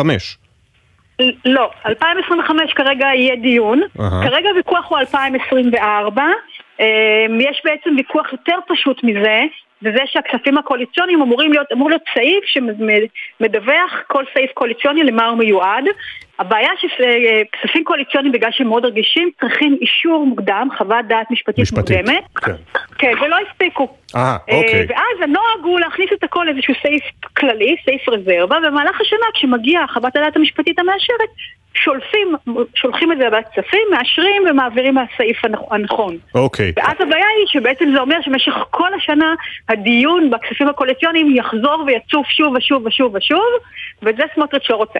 את זה הוא לא רוצה, הוא רוצה לגמור את זה פעם אחת, לחטוף את הכותרות נכון, השליליות פעם אחת. וזהו. עכשיו, כן. לחכות עכשיו ולגמור את זה עכשיו. אוקיי, אה, בכל זאת גל הרשקוביץ, מה זה אומר להכניס לבסיס התקציב כדי שנהיה מוכנים גם ל-2025? צריך להגיד, אה, כספים קואליציוניים גם אם לפעמים הם בסעיפים אה, נכונים, כמו בריאות וכיוצא בזה, הם לא נכונים, כיוון שהם למעשה מסלול עוקף סדרי עדיפויות. יושבים לפני התקציב, לפני הבחירות, מסכימים על איזה משהו בלי לראות את האילוצים, בלי לראות את כל הצרכים האחרים, ולכן בבסיס הם לא נכונים. בוודאי שלא בבסיס התקציב, כי בבסיס התקציב אתה למעשה מנציח, כאילו הוא מכניס את זה באופן פרמננטי וקבוע, והרבה יותר קשה לאחר מכן, בתקציבים הבאים, לבצע את השינויים בסדרי עדיפויות תוך כדי הוצאה שלהם, בעיקר בגלל שחלק גדול מהם נתנו ללחצים אה, פוליטיים. לכן זה הרע במיעוטו, וגם הוא לא צריך להיות, שלמעשה משולמים במהלך השנה, כמו שאמרה מירב, מסעיפי רזרבה כאלה ואחרים, אבל כאשר מגיע תקציב חדש, אז למעשה הנושא נפתח, נידון מחדש, יוצא מבסיס התקציב, ובנוסף, כמובן, כפי שכבר נקבע, מקריאים בצורה שקופה ושמים את הדברים על השולחן כאילו ומציגים אותם אה, לציבור. זה מה שנקרא רע, רע, רע במיעוטו. הם לא נכונים אף פעם, הם תמיד היו, לא רק בממשלה הזאת, אבל כמובן שבשנה שבו התקציב הוא שונה, הוא שונה מבחינת היקף הצרכים המשמעותיים שיש לנו וכולנו מבינים את זה, שנדרשים לטובת הביטחון, שיקום העוטף, רציפות תפקודית אז מבחינה זו סדרי העדיפויות הרבה יותר חשובים ולכן הבעייתיות יותר גדולה, בעיקר בראי לא של 2024, אלא 2025, זאת השנה החשובה יותר, כיוון שזו השנה שלאחר המלחמה אנחנו נידרש, המשק יידרש להתאמות גדולות כי חלק מההוצאות קבועות ויישארו וילוו אותנו גם מ-25 צפונה, כמו הריביות וההוצאות וחלק מהוצאות הביטחון. ולכן המשמעות היא שנת 25, ולכן התקציב הזה שנקרא לכאורה תקציב 24, דברים המשמעותיים בו, או שאין בו, זה מבחינת מנועי צמיחה ל-25, והדבר השני זה בעיקר צעדי מיסוי כמו מע"מ, כגון מס על פחמן, אה, מזהם, שיחולו ואמורים לחול מ-25, אבל האישור אמור להינתן כעת, וחשוב שהכנסת תאשר בלוח הזמנים המאוד צפוף, הוא היה אמור להיות חודש, זה יהיה כנראה רק שבועיים בגלל הדחייה, אמורה לאשר על מנת ליצור את האמינות המינימלית mm-hmm. שנדרשת בשווקים כדי למנוע בעיה בשווקים, משבר אמון שהוביל לעליית ריבית נוספת מעבר לריביות שכבר עלו על האג"ח הממשלתי ובאות לידי ביטוי כבר במחירים שאנחנו נשלם, משלמים ונשלם אל מול גיוס ההלוואות למימון החוב הגדול שנוצר כתוצאה מהמלחמה. כן. אה, מירב ארלוזורוב, אה, ראש הממשלה כעס מאוד על אה, מתן חודורוב מערוץ 13 כשאימת אותו עם ההצהרה שבועות ספורים לפני כן יש כסף לכולם ואמר לו התכוונתי ל-23, עכשיו ב-24 אין כסף לכולם. אני כן שמעתי פרשנים כלכליים לא מטעם שאומרים שהממשלה כן עשתה איזשהו קיצוץ ב, ושינויים בתקציב, פשוט עשתה את המינימום ההכרחי ולא מה שאולי ציפו ממנה בשנת מלחמה. נכון, הממשלה, אפשר לומר, הפתיעה לטובה. בזה שהיא בתקציב הנוכחי, תקציב 2024, וגם בתקציב המיועד ל-2025, שכרגע מאשר חלקים ממנו, אה, מודיעה גם על קיצוצים וגם על העלאות מיסים. בסך הכל בתקציב 2024 היא ביצעה מהלך, אפשר להתווכח, משהו בין אה, נניח 17 ל-20 מיליארד שקלים של אה, הרעה בתקציב. וביחס למה שציפינו מהממשלה הזו, זה בהחלט הפתעה לטובה, אולי אפילו הפתעה מרעישה לטובה. ביחס למה שצריך זה לא מספיק, והראיה, אתה יודע, זה כמו האג, אנחנו נורא משוכנעים אה, בעצמנו שאנחנו בסדר, ואז מגיע העולם ואומר לנו, אופס, אתם לא כאלה בסדר. הראיה שכרגע חברת דירוג האשראי מודי'ס בוחנת אותנו, וההערכה היא שהיא לא כל כך התרשמה מהקיצוץ שנעשה בתקציב, וככל הנראה הדירוג האשראי שלנו מתישהו בשבוע, שבועיים הקרובים, הולך להיפגע, הוא יכול לרדת ממש, או שיכול להיות צעד מקדים אה, לפגיעה בדירוג, שזה אה, הכרזה על תחזית שלילית, כלומר הכרזה על זה שבעתיד כנראה שהדירוג ירד. ואת אומרת שההודעה של מודי'ס לא בשבוע, שבועיים הקרובים. כן, בהערכה היא שמודי'ס... כן. שמודי'ס לא, ממש לא התרשמה מהמהלכים של הממשלה, רגע עוד משהו, והעובדה שכרגע התקציב, שהוא כמובן הבסיס לזה שניסינו לשכנע את מודי'ס שאנחנו בסדר, התקציב בכלל לא מוגש, כי שר האוצר לא מוכן להגיש אותו, עוד יותר מחריף את הסיכון שבית מודי'ס תפעל לרעתנו. גל. תגיד משפט אחד, הדירוג כבר ירד. הוא ירד כי למעשה השווקים לא חיכו ולא מחכים להודעה של חברת דירוג, של מודי'ס או S&P. הוא בא לידי ביטוי כבר בריביות יותר גבוהות, שאג"ח של מדינת ישראל כבר נסחרות. כבר היום אנחנו משלמים ריבית יותר גבוהה. מה שכן, ככל ואני מקווה שהכנסת תאשר במהירות וללא שינויים וללא ביטולים את למעשה מה שנשאר כרגע במסגרת התקציב, כפי שאמרה מירב, המסגרות פחות או יותר, אם לא יהיו שינויים, יישמרו שזה המינימום ההכרחי, אז לא נחווה דירוג נוסף ועליית ריביות נוספת מעבר לזה שאנחנו כבר היום חווים. ובעצם בפועל, אם תבדקו, ונבדוק, אפשר לבדוק את הריביות שמשלמים היום, הם למעשה כבר התייקרו כי השוק לא מחכה אה, להודעה של חברת דירוג כזאת או אחרת ולכן מה שנדרש כרגע זה לאשר במהירות וללא שינויים מיותרים כרגע את התקציב שאני מקווה שיונח בימים הקרובים ואמור להיות מאושר עד ה-19 לפברואר ללא חריגה בלוחות הזמנים. כן. ואני רוצה רגע לחדד עוד משהו. כל האירוע הזה שמסכן את דירוג האשראי שלנו, מסכן את הריביות שאנחנו משלמים, כל האירוע הזה במהותו הוא אירוע של יחסי ציבור, של נראות. לממשלה הנוכחית ולראש הממשלה ולשר האוצר בראשם, לא נוח שאנחנו נדע שמעבירים כספים קואליציוניים לבייס. לא נוח, הם, עושים, הם עושים הכל כדי להסתיר את זה. העיקר שאנחנו לא נדע. במחיר זה שאנחנו לא נדע, מזיקים כאן נזק כבד לכלכלה. באמת, זה חוסר אחריות ברמות הכי משוועות שיש. אה, בואו נעבור, אה, מירב וגל, לעניין של הדיון המקוצר שיהיה בוועדת הכספים. אה, הרי מירב ארלוזורוב, בוועדת הכספים יש לקואליציה רוב.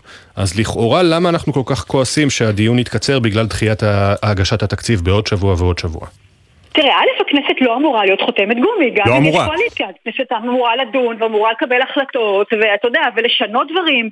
בשביל זה הפרלמנט, בשביל זה יש לנו הפרדת רשויות, נכון? אז א', זה ברור שאין כאן הפרדת רשויות, כי זה לכאורה רק חותמת גומי. החשש הוא אגב, שלא תהיה כאן חותמת גומי, שגפני, עם כל האינטרסים שלו, וחברי כנסת אחרים עם כל האינטרסים שלהם, לא יאשרו את כל הקיצוצים או כל העלאות המיסים שהממשלה תכננה, ואז בכלל אנחנו בשוקת שבורה מול חברות הדירוג ומול השווקים. אבל אנחנו כרגע לא יודעים מה הולך להיות. גל במצב רגיל יש לכנסת חודשיים. במצב המקורי שתוכנן היה לה חודש אחד, כי התקציב היה צריך להיות מאושר, או להיות מוגש, סליחה, לפני כשבועיים.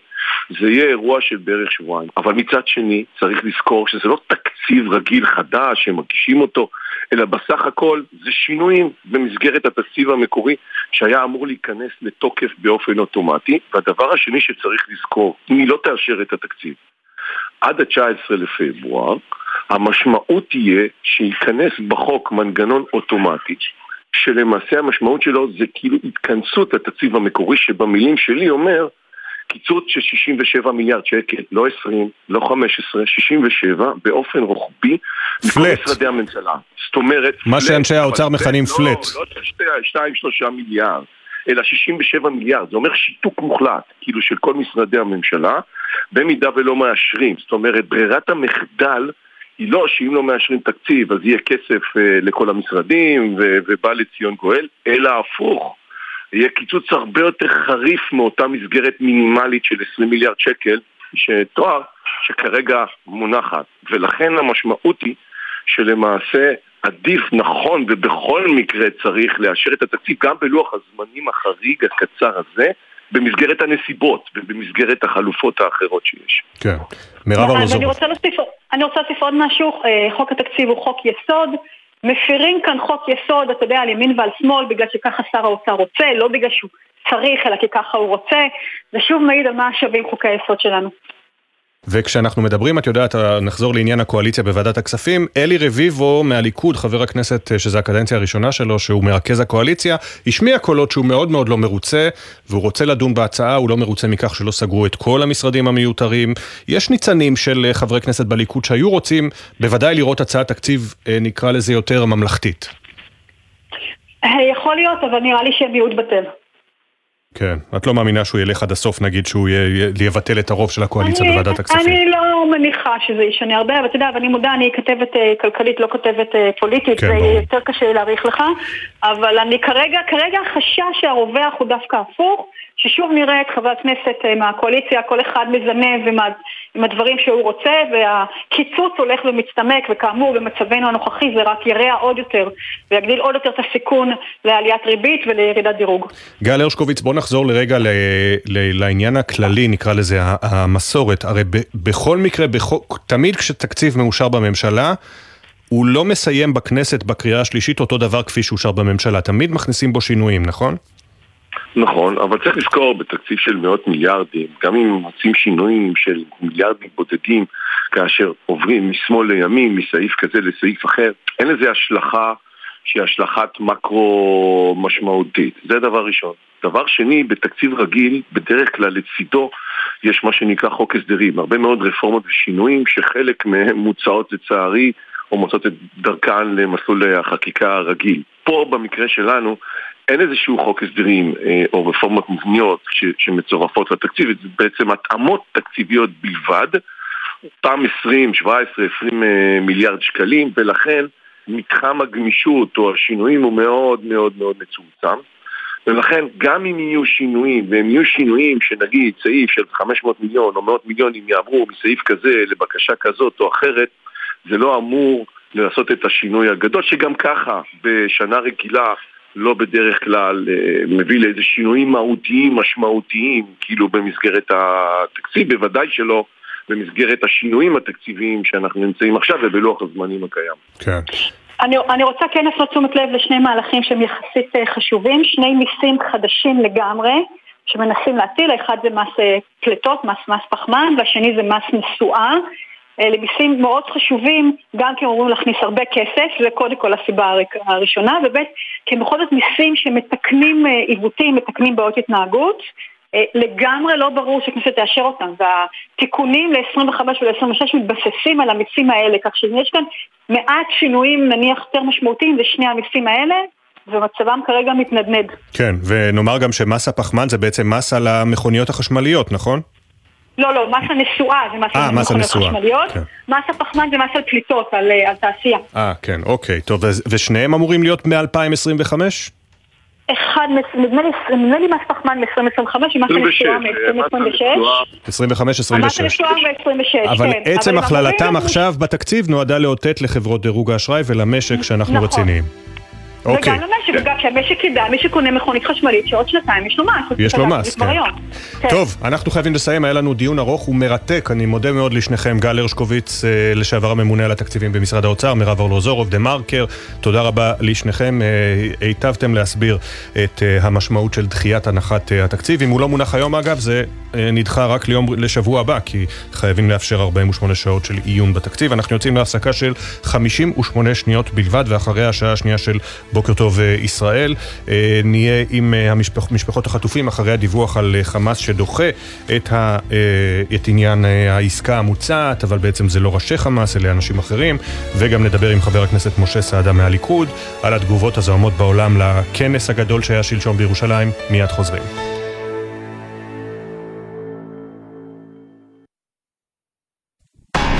אתם מאזינים לגלי צה"ל. עכשיו בלוטו 22 מיליון שקלים, ובדאבל לוטו עד 44 מיליון שקלים. המכירה אסורה למי שטרם מלאו לו 18. אזהרה, הימורים עלולים להיות ממכרים. הזכייה תלויה במזל בלבד. יש אישה תומר דר, אחות של אבינתן אור, שלום לך. אבינתן מציין את יום ההולדת ה-31 שלו בשבי. מאוד ציפינו שאת היום הולדת הזה אנחנו נחגוג ביחד. מאמינים שיום הולדת זה יום שבו גם המזל של בן אדם גדל, אז אנחנו גם מקווים שזה באמת מה שיקרה היום. אבינתן, אנחנו רוצים להגיד לך, אתה יודע שאתה ממש לא לבד, אנחנו כל המשפחה פה הופכים את העולם ובטוחים שנראה אותך בקרוב. גלי צה"ל, פה איתכם, בכל מקום, בכל זמן. עכשיו בגלי צה"ל, אפי טריגר, עם בוקר טוב ישראל.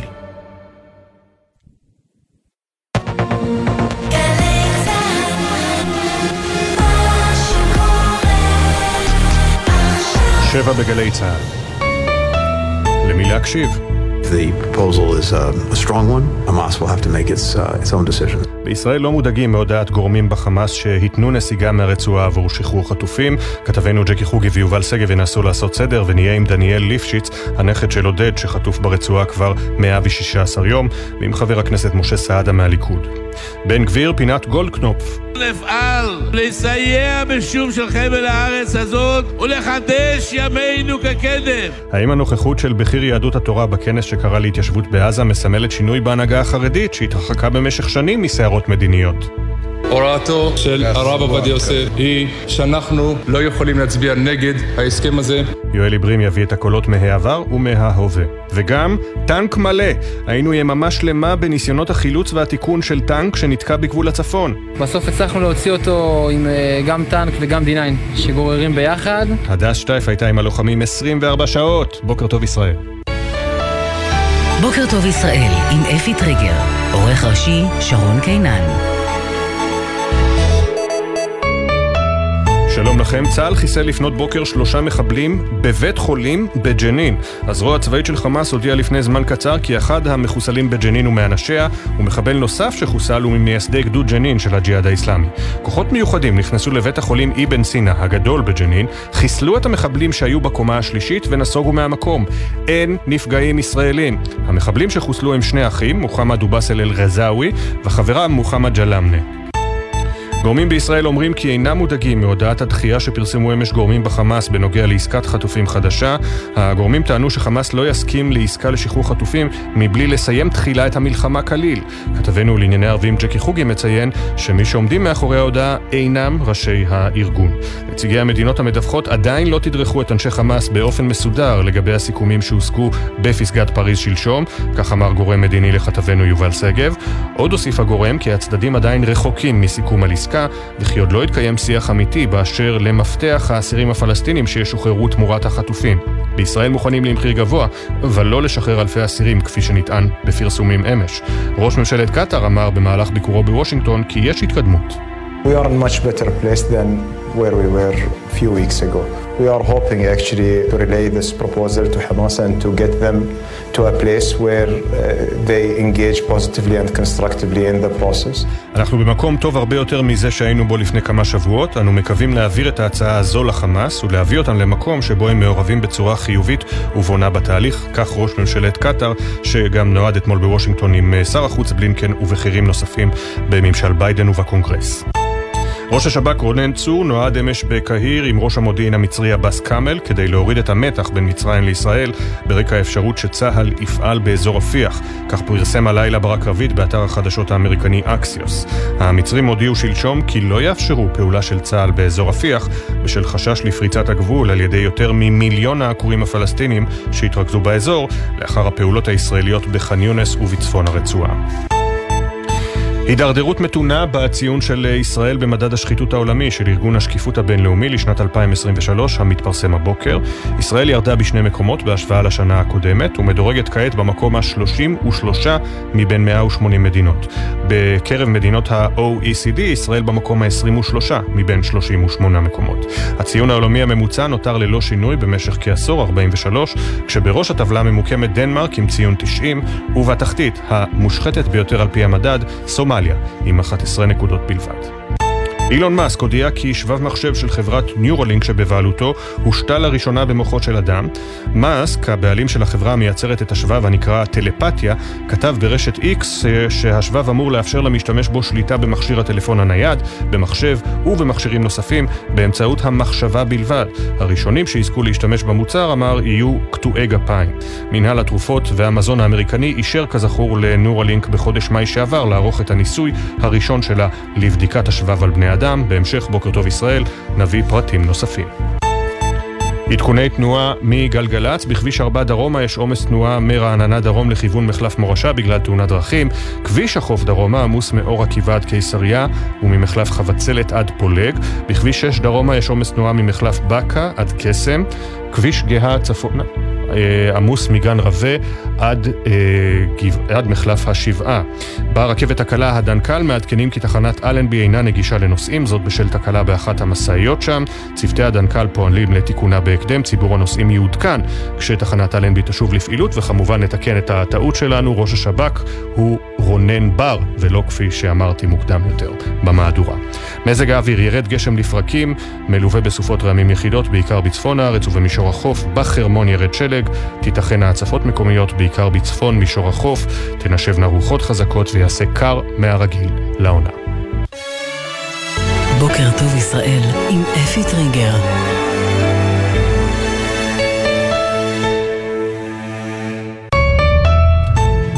חמש דקות וחצי אחרי השעה שבע, בוקר טוב ישראל, בוקר יום שלישי. במסורת אומרים שיום שלישי הוא פעמיים כי טוב, אבל כשמדובר כבר ב-116 ימים מאז השבעה באוקטובר, לא נספור כמה ימים של פעמיים כי טוב היו שם, וההמתנה עדיין מורטת עצבים. דיווח אחד מספר על התקדמות במשא ומתן, דיווח אחר על עיכובים, חלקם צפויים, חלקם בלתי צפויים.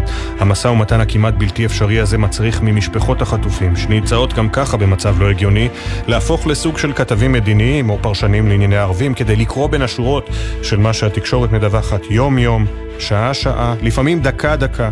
ובעוד הריקוד המדיני הזה מתנהל בין ירושלים, וושינגטון, קהיר ודוחה, הם צריכים לצרף דיווח לדיווח, ידיעה לידיעה, להיאחז בכל שביב תקווה שאפשר ללקט מהם, להמשיך להיות חזקים בשביל יקיריהם.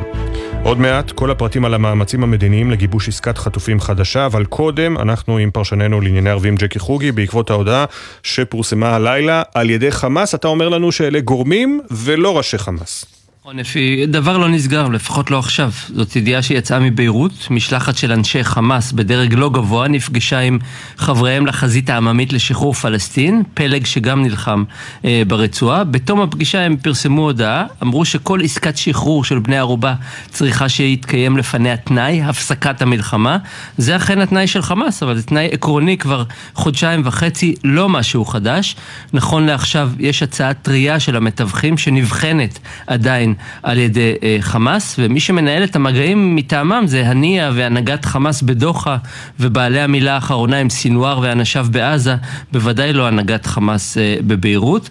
מה שכן נאמר אתמול והיה חשוב זה הדברים שנשמע מיד. ראש ממשלת קטאר, מוחמד ג'אסם מת'אני, ביקר בוושינגטון, הוא התייחס גם למשא ומתן בנוגע לעזה, זה אחד שבקיא בשיחות, הנה נשמע קטע מדבריו. We are in much better place than where we were uh, a few weeks ago.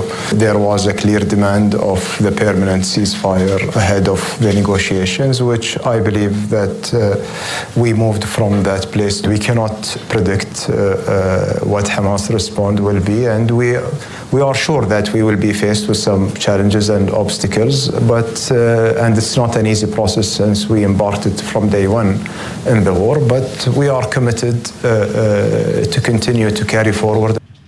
אז הוא אומר, אנחנו במקום הרבה יותר טוב מכפי שהיינו לפני כמה שבועות. הייתה דרישה ברורה להפסקת המלחמה לפני כל משא ומתן, הוא מתכוון לתנאי של חמאס, אבל אני מאמין שהתקדמנו קצת מהמקום הזה, ועוד הוא מוסיף, אפי, איננו יכולים לחזות מה תהיה תגובת חמאס, הוא מתכוון להצעה שהם הגישו להם אה, השבוע, משמע שחמאס עדיין בודקים ודנים בזה. בטוח שצפויים לנו אה, אה, מכשולים ומשוכות, אה, מסכם ראש ממשלת קטאר, זו לא משימה קלה. אבל אנחנו, קטאר, מחויבים לנוע קדימה. אז רק ביממה האחרונה אנחנו למדנו משהו, אפי, שלא כל פרסום בעניין הזה הוא נכון, שיש הצעה קטארית על השולחן, ויש מתווכים שעובדים במרץ, לא רק הקטארים, אלא גם המצרים והאמריקאים חזק בתמונה. ג'קי, תודה. תודה. ובינתיים אצלנו, שבע ותשע דקות, ישיבת קבינט המלחמה נמשכה אמש שעות ארוכות, גם אחרי ההודעה של גורמים בחמאס, ובדרג המדיני מסרבים להתרגש מאמירות על שלילת עסקה מהצד השני. בישראל ממשיכים לקוות כי הלחץ האמריקני על המתווכות, ועל ידי כך על ידי חמה, על חמאס, יביא לפריצת דרך, אך למרות הכל מבהירים, העסקה הבוקר עודנה רחוקה. כתבנו הפוליטי יובל שגב עם העדכונים האחרונים מהמאמצים, מהמאמצים כאן אצלנו. שלום יובל. שלום אפי, בוקר טוב. אז באמת אה, ישיבת הקבינט המצומצם, קבינט המלחמה נמשכת אתמול אה, גם אחרי ההודעה. כדי מהר הבינו הגורמים הישראלים שההודעה הזאת מטעם גורמים כאלה ואחרים בחמאס, כמו שג'קי פירט, היא לא אה, הודעה שסוגרת אירוע, היא לא הודעה שמפילה את העסקה כולה, ולכן המשיכו לדון שם בדיון הזה שעסק באמת ברובו בסוגיית החטופים, בסיכום של הנציגים שלנו שהיו באותה פסגה בפריז בתחילת השבוע של מה שהביאו משם. וגם אה, במידה מסוימת בגבולות הגזרה. כן צריך להגיד, אפי, בהקשר הזה של גבולות הגזרה, כי ראינו אתמול הרבה פרסומים על מספרים כאלה ומספרים אחרים, עוד לא הגיעו לא בפריז ולא כאן בארץ לדיון אה, מפורט נקרא לזה, במה שנקרא מפתח האסירים, בכמות המחבלים ששוחררו על כל אה, חטוף אה, שלנו שיוכל לשוב הביתה. כן ברור לכולם שהמפתח הזה הולך להיות גבוה מאוד, הרבה יותר מזה שהיה בעסקה הקודמת, אבל גם לא יהיה אה, אלפי מחבלים תמורת 30-35 אה, חטופים, כמו שפורסם אתמול בחלק מהמקומות. לכולם כאן בארץ ברור שזו עסקה לא ריאלית, גם לא ברמה הפוליטית והציבורית וגם לא ברמה אה, הביטחונית, ולכן אלה לא המספרים שיהיו, צריך להגיד גם את זה, בהנחה שיצליחו בסוף למצוא את הנוסחה מול ראשי חמאס, וגם זה, כמו שאתה אומר, עדיין רחוק ממובטח. בשורה התחתונה ממשיכים לדון גם מול המתווכות וגם בתוך הקבינט בהמשך השבוע הזה, מחכים לתשובה הרשמית של חמאס, מחכים שהמתווכות, גם זה עוד לא קרה וצריך להזכיר את זה, ייפגשו עם חמאס באופן מסודר, יעבירו באופן מסודר את כל מה שהיה באותה פסגה בפריז, וגם זה אה, עוד לא אה, מתרחש, וגם זה שלב כמובן משמעותי, אז mm-hmm. עוד לא אה, מסכמים נקרא לזה את הסבב הזה, אומרים עדיין בישראל שיש סיכוי, אבל גם שאנחנו עדיין רחוקים מאוד מהסכמות. תודה, יובל שגב. תודה. דניאל ליפשיץ הוא נכדו של עודד ליפשיץ החטוף בעזה כבר 116 יום היום, אה, ושל אה, הנכד של יוכי כמובן, יוכבד ליפשיץ ששוחררה בתחילת המלחמה אחרי שבועיים בשבי. שלום דניאל. בוקר טוב. אמרנו, אמרתי בפתיחת המשדר שכל דיווח, כל דיווח כזה הופך אתכם, בני המשפחות, לסוג של אה, כתבים מדיניים לעת מצוא, פרשנים לענייני ערבים, מנסים להבין מה קורה. ספר לנו על התחושות. אני לא חושב שאנחנו צריכים להיכנס להיות פרשנים מדיניים, אנחנו צריכים להמשיך שיש כאלה בשורות, זה כמובן אה, נותן לנו תקווה ושם אותנו במקום שאנחנו מרגישים שאולי אנחנו קרובים לראות את היקירים שלנו. והתפקיד שלנו בזמן הזה הוא להמשיך, אה, להמשיך ללחוץ, לעשות את כל מה שאפשר בשביל שאנחנו... נראה את היקירים שלנו בבית, איך אמרת, 116 ימים זה, זה באמת טירוף, לא חשבנו שנגיע לשם. יש שם עדיין אה, נשים, ילדים, זקנים, ואני חושב שכרגע הדבר הכי חשוב הוא לרגע לא לרדת משולחן המשא ומתן, בטח שיש התפתחויות, וכמו שאנחנו רואים, יש התפתחויות, אני מבין גם מה... פגישה עם ראש הממשלה הקטרי שבאמת המצב הוא הרבה יותר טוב משהיה לפני שבועיים והדרישה שלי היא באמת לא לרדת משולחן המשא ומתן עד שאנחנו מגיעים להבנות. אני באמת סומך ומחזק את צוות המשא ומתן, mm-hmm. המתווכת, המגרשרת, ובאמת אה, זה שכולם הגיעו שם למצב שהם מצליחים לשתף פעולה היטב יחד. אני חושב שאנחנו בהזדמנות שאסור לנו אסור לנו בתכלית האיסור אה, לא לנצל אותה. מה שמעת מהאנשים שהיו בפגישה אמש עם ראש ממשלת קטאר, בני משפחות חטופים? אמרתי, שמעתי שבאמת ה... יש, אה, יש התפתחות אה, טובה, יש אופטימיות אה, זהירה שמה, ובסוף הוא לא אפשר לחשוף יותר מדי פרטים מבפנים, אבל אתה יודע, כמו שראינו שאפילו ישראל אה, אישרה את העסקה, יכול להיות שכן, יכול להיות שלא, אתה יודע, אני גם רוצה להיות באופטימיות זהירה פה, אבל מעבירים את הדברים לצד של החמאס, ואני אני באמת מרגיש שיש כאן הזדמנות שהחובה המוסרית להחזיר את כולם הגיעה, ואנחנו חייבים, חייבים, חייבים להמשיך, לתת את כל ההזדמנות לצוות המשא ומתן, לתת uh, לאמריקאים עכשיו, שאני רואה שאני בטוח שעושים את הכל למען זה, לתת להם עכשיו את ההזדמנות ולא לחבל בזה בשום צורה. אני חושב ש... אתה יודע, אני חושב שדבר ראשון הממשלה צריכה לצאת בגינוי לכנס. כנס של הטרנספר זה משהו שחובה לצאת בגינוי מלשכת ראש הממשלה. בסופו של דבר זה פיגוע הסברתי בינלאומי וחומר במתנה ל-ICJ. בשביל מה אנחנו צריכים כאלה דברים? אסור לנו להתעסק בפוליטיקה כרגע. הדבר היחיד שאנחנו צריכים להתעסק בו זה שחרור האנשים. אנחנו גם רואים את העולם שצריך להמשיך לחזק את הלחץ שלו נגד אונר"א. רואים שדברים זזים. כן. ובנוסף, אם אני יכול לקרוא למשהו, אני באמת קורא לאזרחים הפלסטינאים בעזה להמשיך לצאת ולהפגין ברחובות. ראינו אותם מתחילים לעשות את זה, שימשיכו. אני חושב שבסופו של דבר, עסקה כזאתי, גם החמאס, ברגע שהוא ייקח את העסקה הזאת, תהיה כאן הפוגה, יהיה אפשר להמשיך לדבר, יהיה כאן שחרורים הומניטריים. כל הדברים האלה בסופו של דבר יביאו אותנו לשלב הבא. אבל דניאל, בניגוד לעסקה הקודמת, שבה נדמה היה שבאמת הרוב uh, המכריע בממשלה, בקבינט uh, בעדה, uh, למעט uh, אנשי עוצמה יהודית, הפעם גם אנשי הציונות הדתית, גם עוצמה יהודית, מדברים על מחיר גבוה מדי, אם זה המחיר שפורסם אתמול, שחרור אלפי אסירים בהם רוצחים. זה נראה שהפעם יש, תהיה לראש הממשלה גם מכשלה פוליטית בתוך הקואליציה שלו לאשר uh, עסקה שכזו. אני בהחלט לא יודע מה המחיר, אבל אני מאמין ש, שברגע שזה, שההצעה באמת תגיע למצב שאנחנו, שצריכים להצביע עליה, אני מאמין שכולם יצביעו לעסקה, כי בסוף אה, להביא את האנשים הביתה, לפדות את השבויים זה הדבר הכי חשוב, ואני באמת מאמין שזה מה שיקרה. דניאל ליפשיץ, הנכד של עודד שעדיין חטוף בעזה ושל אה, יוכבד ששוחררה בתחילת המלחמה. תודה רבה שדיברת איתנו, נקווה לבשורות טובות. תודה לכם, תודה לכם. ועכשיו אה, עדכוני אה, הלחימה, אבל עוד לפני הלחימה בעזה ובצפון, דורון קדוש, אנחנו חוזרים אליך גם כדי לשמוע עדכונים על שלושת המחבלים שחוסלו בקומה השלישית של בית חולים בג'נין הבוקר, בלי נפגעים לכוחותינו.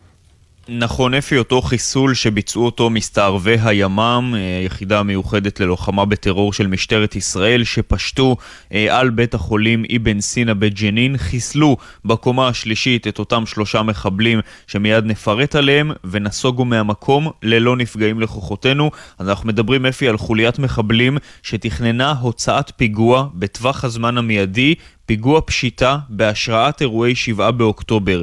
המחבל מוחמד ג'למנה, מחבל מחמאס, עמד בקשר מול מפקדת החמאס בחו"ל, הוא גם נפצע בחודשים האחרונים כשניסה להוציא לפועל פיגוע של רכב תופת, העביר נשקים ותחמושת לפעילי טרור כדי לקדם פיגועי ירי, וכאמור הוא זה שעמד בראש התכנון להוציא לפועל את אותו פיגוע פשיטה בהורא, בהשראת אירועי 7 באוקטובר. שני המחבלים האחרים, מוחמד ובאסל אל-רזאווי, מחבלים מהג'יהאד האיסלאמי, אחד מהם ממייסדי גדוד ג'נין של הג'יהאד האיסלאמי, שניהם היו מעורבים בעבר כבר במספר פעולות טרור בגזרה הזו של ג'נין, ובמערכת הביטחון אומרים שהמחבלים בג'נין מסתתרים בתוך בתי החולים, בייחוד בית החולים אבן סינא, עושים בהם שימוש כבסיס לתכנון פעילות טרור וליציאה לביצוע פיגועים. המחבלים סבורים שבתי החולים ישמשו להם הגנה מפני פעילות כוחות הביטחון, אבל פעולת הימ"מ המיוחדת הזו הלילה הוכיחה שגם שם ישראל יכולה לשים עליהם את היד. בואו נחזור אל המלחמה העיקרית המרכזית. הרבה מאוד אנשים במרכז הארץ וגם בשפלה אתמול הופתעו מהאזעקה, מצלילי האזעקה והמטח החריג ששוגר למרכז הארץ, ושואלים מה קורה פה. כן, אז למעשה אנחנו מדברים על מטח של 11 רקטות ששוגרו לעבר שטח ישראל, 7 יורטו, 4 נפלו בשטחים פתוחים ללא נפגעים, ונגיד אפי שהנקודה שממנה שוגר המטח הזה היא בעצם העניין המעניין. הרקטות שוגרו מדרום מערב ח'אן יונס, שזה בדיוק האזור שבו כוחות צה"ל הרחיבו את התמרון אליו במהלך הימים האחרונים, ולכן אפשר להעריך כאן אפי שמחבלי חמאס עמדו בפני בחירה כשהם הבינו שכוחות צה"ל מתקרבים לאזור, אולי אפילו גם מתקרבים ממש לאותם משגרי רקטות טעונים שמוכנים לשיגורים לעבר אזור תל אביב והמרכז, אז ההבנה הייתה כנראה שזה או שיורים את הרקטות עכשיו, או שכוחות הביטחון יגיעו אליהם, ולכן מעריכים במערכת הביטחון שהיה כאן ניסיון לבזבז במרכאות את הרקטות האלה לפני שהכוחות המתמרנים יגיעו אליהם.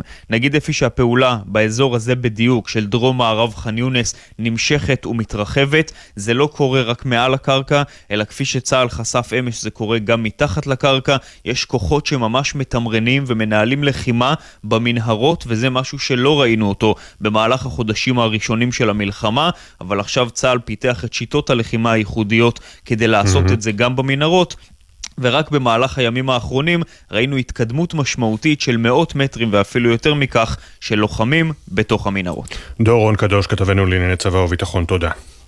תודה.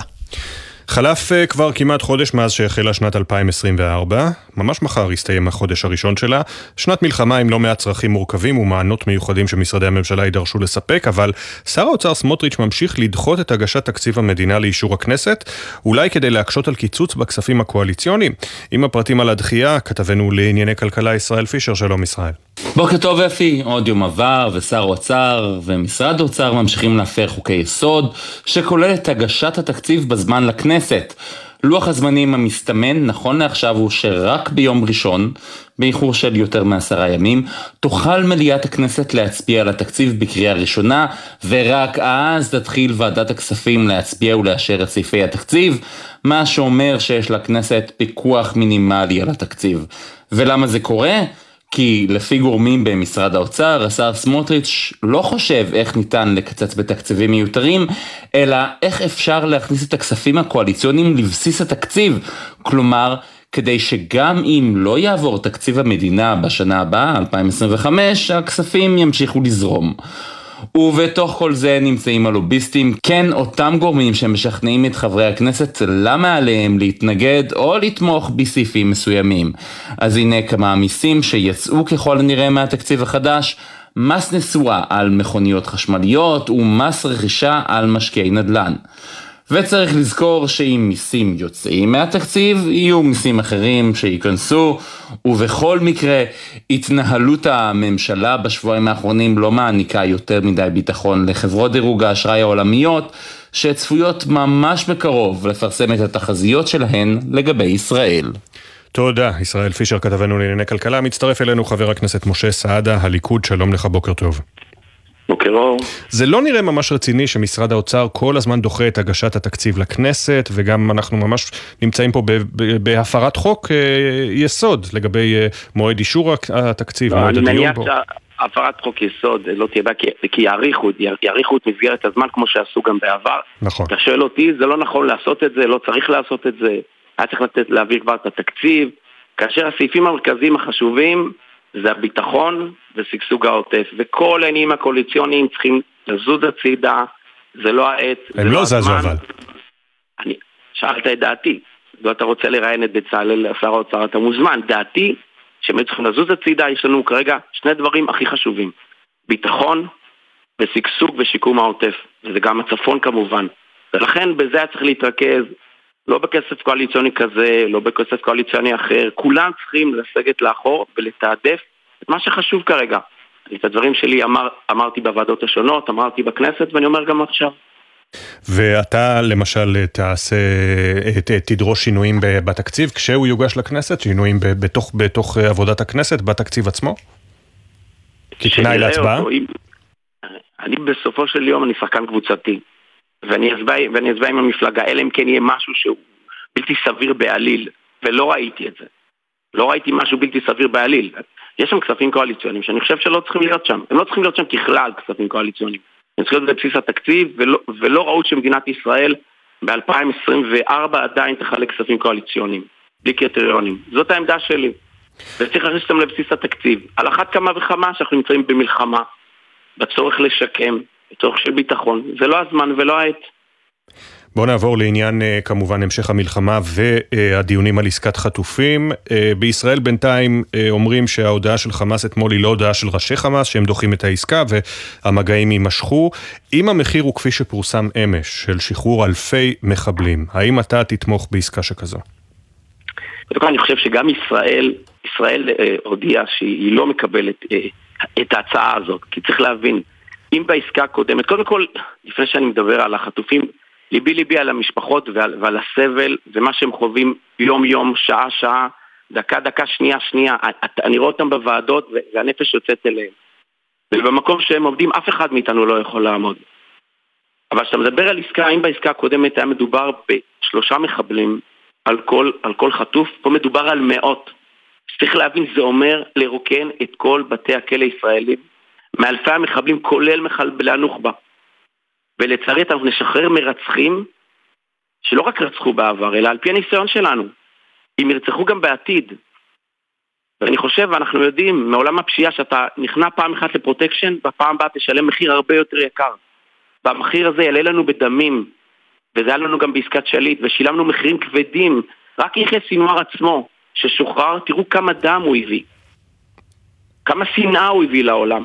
כל זה אנחנו יודעים, אז מה עמדתך, חבר הכנסת סעדה? לכן, לכן העמדה שלי ברורה, וזו גם עמדת הממשלה, שההצעה שהונחה היא הצעה לא רלוונטית. כי מדובר בשחרור של מאות על כל חטוף, מאות מחבלים עם דם על הידיים.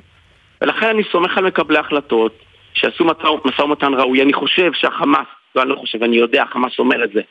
הוא למעשה שומר את החטופים כקלף, כתעודת ביטוח לרגע האחרון. צה"ל צריך להמשיך לנצח, צה"ל צריך להמשיך להכריע, ואני מניח, מניח שברגע האחרון זאת תהיה תעודת הביטוח של החמאס, והוא ישלוף את הקלף הזה. כרגע, mm-hmm. זה קצת משא ומתן עם עצמנו, כי החמאס אומר, אני לא מעוניין, מה שמעוניין זה נסיגת צה"ל אל מחוץ לרצועה. והפסקת המלחמה, שזה לא יקרה כמובן כהתחייבות. ואני חושב, וזה מה שהוא אומר, אנחנו תמיד, אנחנו צריכים ללמוד להקשיב למה שהוא אומר, לא מה שאנחנו מנהלים משא ומתן עם עצמנו. זה מה שהוא אומר, ואמירה כזאת, ואם נסכים לזה, זה ריסוק ההרתעה הישראלית. כן. זה ריסוק ההרתעה הישראלית לא, לא רק ביחס לחמאס, ביחס לכל האומות מסביבנו, ולכן ברור לכולנו כרגע שכנראה לא בשלה העת, ולמרות שזה קשה מנשוא, תצטרך להמתין שצה"ל ימשיך לנצח, וברגע האחרון הם ישלפו את הקלף הזה, ואני באמת מייחל ומתפלל שנחזיר את כל החטופים הביתה. גם אנחנו מתפללים לכך. בואו נדבר על uh, כנס uh, הימין שלשום, כנס הניצחון הוא הוגדר, כנס הטרנספר על ידי מתנגדיו. Uh, הרבה מאוד אנשים, כולל השר יואב קיש אתמול אצל ספי ושרקי, אמר שהעמדה לגיטימית, אבל הכנס לא היה צריך להתרחש עכשיו. יש גם שטוענים שהעמדה לא לגיטימית בכלל. אתה היית בכנס? אתה תמכת בקיום הכנס? לא הייתי בכנס, לא תמכתי. גם אמרתי שאני חושב שכרגע... זה זמן מלחמה, זה זמן אחדות. הנה, עכשיו דיברנו, כרגע צריך להתעסק בלהביא את החטופים הביתה. כרגע צריך להתעסק בלנצח, באחדות. בטנק נמצאים אנשים עם דעות שונות. חלקם חשבו בעד גוש קטיף, חלקם נגד. כרגע כולם יש לנו מטרה אחת, לנצח ולהשמיד את החמאס. ועקרונית? ולתת ביטחון לאזרחי ישראל, ולכן אני אומר, זה מה שנכון. עקרונית, כולנו יודעים ש, שהתיישבות מביאה ביטחון. לכן, לכן הקימו את בארי ב-1946, לכן הקימו את כפר עזה כהתנחלות, כהמחזות נחל, כדי להעניק ביטחון. אבל זה לא הזמן לדון בזה כרגע.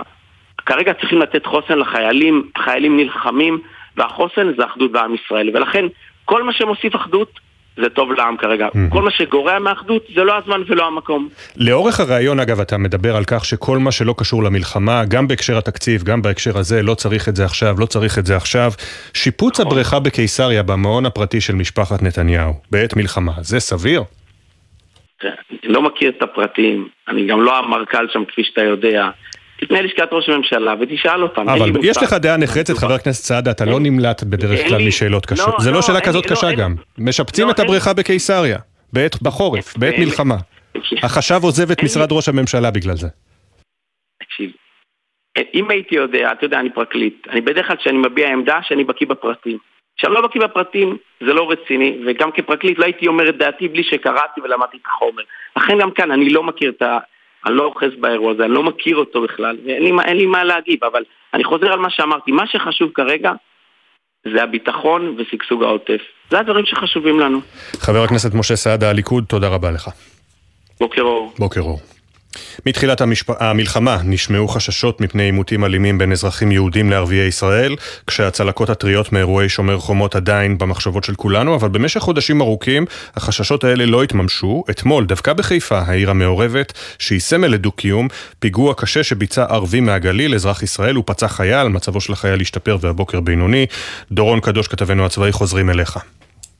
כן, שלום אפי, אז אנחנו באמת מדברים על המחבל ויסאם אבו אל-היג'ה, אזרח ערבי ישראלי בן 27, תושב תמרה, שהגיע עם רכבו אה, לבסיס חיל הים בחיפה, דרס שם את אחד החיילים, ולאחר מכן יצא עם גרזן מהרכב, וכנראה ניסה לפגוע גם באותו חייל וגם בחיילים נוספים שהיו במקום. המחבל חוסל בידי אה, קצין בחיל הים אה, שהצליח לחסל אותו במקום. צריך להגיד אפי שזהותו של המחבל כן מוכרת למערכת הביטחון, הוא מוכר כמסיע שב"חים, זאת אומרת מי שמסיע שוהים בלתי חוקיים מאזור הגדר, קו התפר לתוך שטחי ישראל, אבל אין לו רקע ביטחוני. זאת אומרת הפעילות שלו כמסיע שב"חים היא פעילות פלילית, לא ידוע על uh, פעילות uh, טרור שלו או על איזשהו קשר לאחד מארגוני הטרור. נגיד אפי שבית uh, החולים רמב"ם עדכן שהחייל הפצוע עבר ניתוח של כשמונה שעות, שבמהלכו הוא עבר סדרה של ניתוחים אורתופדיים על ידי הצוותים של המערכת. המערך האורתופדי, הוא עבר למחלקת טיפול נמרץ, נגמל מהנשמה והרדמה, מצבו של החייל שנפצע בפיגוע מוגדר כעת בינוני ויציב. ולגבי המחבל, מאחר שהמחבל חוסל בזירה אז כמובן אי אפשר לחקור אותו, אבל כוחות הביטחון כן חוקרים במהלך השעות האחרונות את הסובבים אותו, את סביבתו הקרובה, את בני משפחתו, בניסיון להבין האם מישהו מהם ידע על כוונותיו, האם מישהו מהם אולי סייע לו, או היה מעורב גם כן בפיגוע הזה, מנסים להבין גם האם במהלך הימים האחרונים קרה משהו שאולי היווה טריגר לפיגוע הזה, אבל זה כנראה יישאר בגדר השערות, כי בסופו של דבר מדובר כאן על מחבל אחד שביצע את הפיגוע וחוסל. צה"ל, ובאופן כללי אומרים במערכת הביטחון שלא ראינו במהלך כל החודשים האחרונים מעורבות של ערביי ישראל בטרור, ומקווים כמובן שכך הדבר יימשך. תודה שוב דורון. תודה. בשנים האחרונות הפכו החרדים לחלק בלתי נפרד מגוש הימין, אך במבט רחב יותר על 75 שנות הכנסת, רוב הזמן נחשבו הסיעות החרדיות דווקא ללשון מאזניים בין הימין לשמאל, עם עמדות אפילו יוניות בנושאים מדיניים וביטחוניים. ואומנם השר החרדי יצחק גולדקנופ קרא בכנס הימין שלשום להתיישבות ברצועת עזה עמדה חריגה יחסית, ומאוד נחרצת, ביחס לחובשי הכיפות השחורות. האם הברית הפוליטית עם הימין והליכוד הופכת גם לחיבור אידיאולוגי? כתבנו לענייני חרדים יואלי ברים סקר את העמדות החרדיות לאורך השנים עד לצומת הנוכחי. לשנה הבאה בעזה הבנויה, בעזרת השם. בן קרעי, בן גביר ושרים וחברי קואליציה נוספים, בכנס שלשום ניצבה לה גם דמות לא מובנת מאליה, שר הבינוי והשיכון יצחק גולדקנופ. אין ספק שחידוש היישוב היהודי במקום יהיה תיקון עוול היסטורי שיסייע בהגנה על עם ישראל וארץ ישראל. כשר הבינוי והשיכון אפעל לסייע בשוב של חבל הארץ הזאת ולחדש ימינו כקדם. המפלגות החרדיות נהגו במשך שנים להתרחק מסערות הנוגעות לעניינים מדיניים ולהתמקד בסוגיות שקשורות לחברה החרדית. אפילו בקרב המפלגה של גולדקנופ היו מופתעים, כפי שביטא עמיתו מסיעת דגל התורה, חבר הכנסת גפני בוועדה בכנסת. ישבתי איתו עם ראש הממשלה, אמרתי לו את דעתי, אני גם לא הייתי בכנס הזה. בינתיים אני בקואליציה, אני באופן זמני. יש קיבוצים, לא יודעים מה זה סבת, לא יודעים מה זה מקווה, שפנים, חזירים. יותר מ-30 שנה חלפו מאז הנאום הזה של מנהיג הציבור הליטאי חרדי הרב שך, שסימן במובנים רבים את הפנייה החדה של הפוליטיקה החרדית ימינה.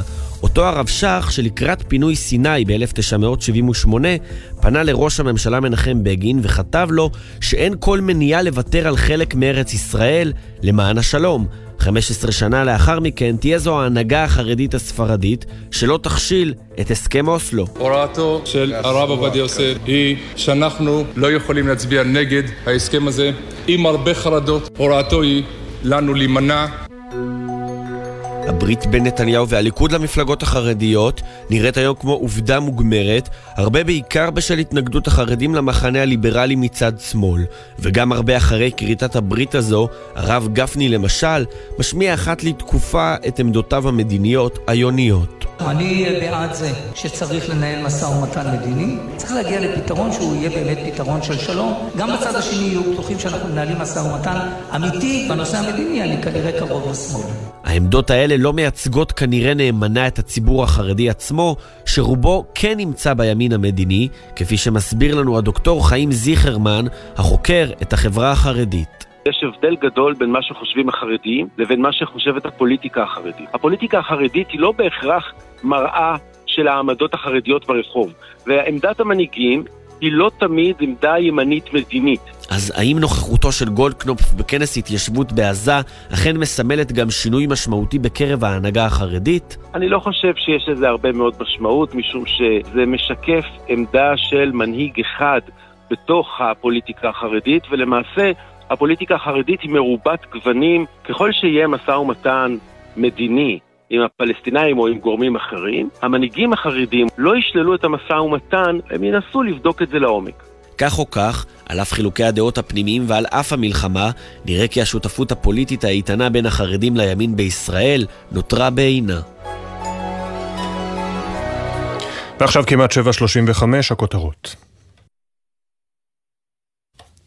בחסות מאיר, המזמינה על ימי מכירות של מותגי הרכב השוודיים, פולסטאר, לינקן קור ווולבו, 4 עד 9 בפברואר. גם וולבו EX30 החשמלית תהיה שם, פרטים באתר. כן, זו הייתה טעות, 7.35 הכותרות. גורמים בישראל אומרים כי אינם מודאגים מהודעת הדחייה שפרסמו אמש גורמים בחמאס בנוגע לעסקת חטופים חדשה. הגורמים טענו שחמאס לא יסכים לעסקה לשחרור חטופים מבלי לסיים תחילה את המלחמה כליל. פרשננו לענייני ערבים ג'קי חוגי מציין כי מי שעומדים מאחורי ההודעה אינם ראשי הארגון.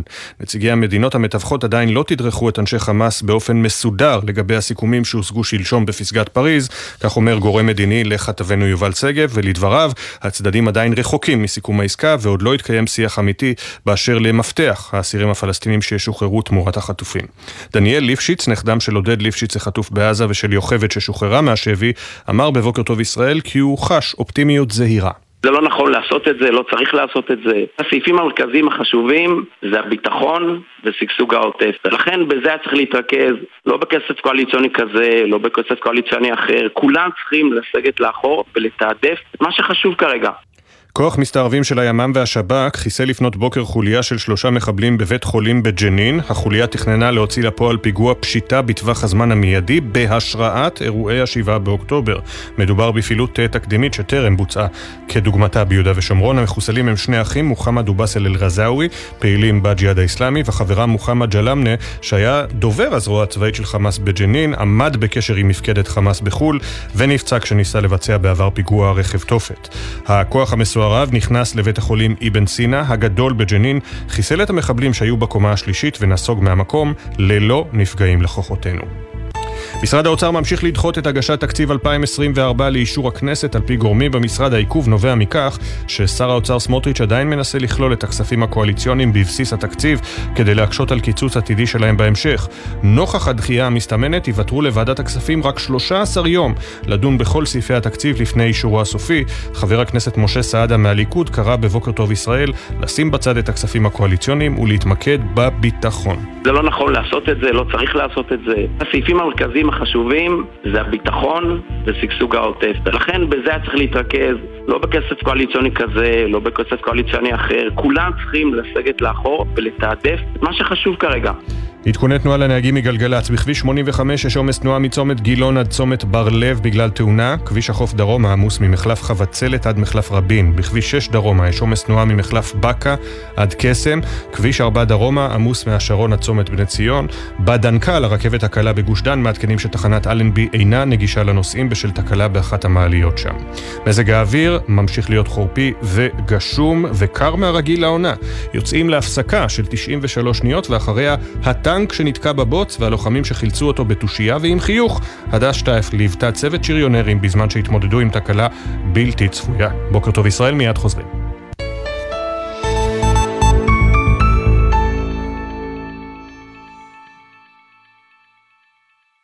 לינקן קור ווולבו, 4 עד 9 בפברואר. גם וולבו EX30 החשמלי תהיה שם, פרטים באתר.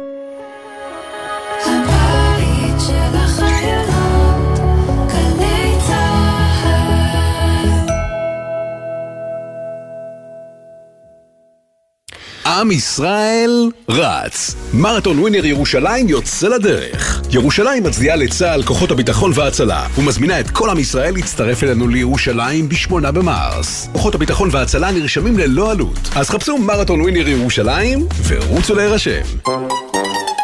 עכשיו בלוטו 22 מיליון שקלים, ובדאבל לוטו עד 44 מיליון שקלים. המכירה אסורה למי שטרם מלאו לו 18. אזהרה, הימורים עלולים להיות ממכרים. הזכייה תלויה במזל בלבד. זו שנה של מלחמה על הבית. זו שנה של גבורה. על ביטוייה השונים. את טקס הדלקת המשואות בליל יום העצמאות ה-76 למדינת ישראל נציין הפעם בסימן גבורה ישראלית. גבורה של מי שגילו אומץ לב נדיר. גבורה של מי שהפגינו נחישות ועוצמה אל מול התופת, הרוע והסכנה. גבורה שהיא השראה לכולנו. המליצו והשפיעו על בחירת מסיעות המשואות ומסיעי המשואות בסימן גבורה ישראלית. פרטים באתר המערך לטקסים ולאירועים ממלכתיים. עכשיו בגלי צה"ל, אפי טריגר, עם בוקר טוב ישראל. איך מחלצים טנק ששווק חיים מתוך הבוץ באזור מטווח באמצע שום מקום על גבול הלבנון? נראה שגם במבצע הזה שנמשך לא פחות מיממה עמדו השריונרים מגדוד 75 ואפילו ביצעו את המשימה עם חיוך. הדס שטייף כתבתנו הייתה איתם, איך לא? בזמן שהחזירו לפעילות את הכלי שהם כל כך אוהבים. הם הרגישו שהטנק שלהם מתחיל לגמגם. לדבריהם מרגיש לו משהו. עד ששווק. כיוון שהוא נתקע על ציר מטווח מול עיני האויב ממול, היה צריך להמתין ללילה כדי לחלץ אותו מהבוץ ולהעבירו למקום בטוח, הרחק מעיני החיזבאללה. מפקד הטנק מספר מה קרה. אין מה לעשות, הטנק פורס, עובדים קשה והוא פורס. אם לא מביא לו מספיק אהבה, הוא רוצה צומי. אה, עכשיו אנחנו מלטפים אותו קצת, מנקים אותו. על יד הטנק אוחז בפטיש כבד ומכה לוחם נוסף. טור, האל קוראים לו, כי הפטיש בידו. זה מה שסיפר על החילוץ. אה, ניסינו בהתחלה לגור עם טנק, זה לא עבד לנו. לאחר מכן אה, הגענו גם טנק ואכזרית, הוא רק התחפר עוד יותר. חיכינו עד ללילה, הגיע D9 לחלץ אותנו וגם לא הצליח. בסוף הצלחנו להוציא אותו עם אה, גם טנק וגם D9 שגוררים ביחד. וגם אחרי שהצלחנו להוציא אותו מהשפץ שלו, היה דרך מאוד ארוכה שהיה מלווה במקומות מאוד צפופים, שלקח עוד הרבה זמן וניסיונות. שריונר נוסף, תותחן ותיק, מלטף את הטנק ומנחם. כמו פאנצ'ר, רק הרבה יותר אכזרי. אני עם הטנק הזה כבר מלא זמן, ועכשיו הוא קצת אה, מחזיר לי שנאה, כל מה שאנחנו נותנים בו, מטפלים בו. בסוף זה מכונה וצריך לטפל בה. בלאי ושחיקה. כמו כל דבר צריך להחליף מדי פעם. מפקד הטנק, מלא בבוץ, לא מוחק את החיוך מפניו, למרות העייפות, נזכיר 24 שעות בלי שינה. זה נילונים שאנחנו נעלנים למלחמה, ומה שקרה פה היה איזה תקלה. אז כל הנילונים נפלו לנו ודרסנו אותם, ונשאר שרידים, כמו שאת רואה פה. זה חצי מדהים, אה, שלא ככה נעלה על זה מט"ש או משהו. המשימה כמעט הסתיימה. נהג הטנק מניע ומנסה להעלות את הגלגלים על השרשרת. אז נשמעת צעקה. אל מפקד הטנק מגיעים שני לוחמים וחבילות חתוכות מלאות בוץ בידיהם. כבר לא, לא מפחדים להתלכלך, זה כיף. אה, כבר נהיה חלק מהאופנה שלנו, אנחנו גאים בזה כבר. נכנסים לחדר אוכל ויודעים שזה שריונרים שמשאירים אה, כתמי בוץ, שאנחנו מגעילים. אבל זה הגאווה שלנו. סוף טוב הכל טוב, הטנק כשיר לחזור לשטח. מפקד הצוות מסכם. אני, המטרה שלי זה להחזיר את כולם הביתה בשלום, לתת אה, מילות מוטיבציה שצריך, להרים את המורל, אה, בעיקר להחדיר רוח בחיילים. זהו, אנחנו מאוד מבינים את המשמעות שלנו פה בצפון. רוב התקשורת היא נוטה דרומה, כן? אבל אנחנו מבינים את המשמעות. אנחנו עובדים פה הרבה מתחת לרדאר. לא יכולים לספר, כן? אבל עובדים פה וממש מרגישים שאנחנו קו ראשון. המשימה הושלמה. החיוכים והניצוץ בעיניים מלמדים על הסיפוק הגדול.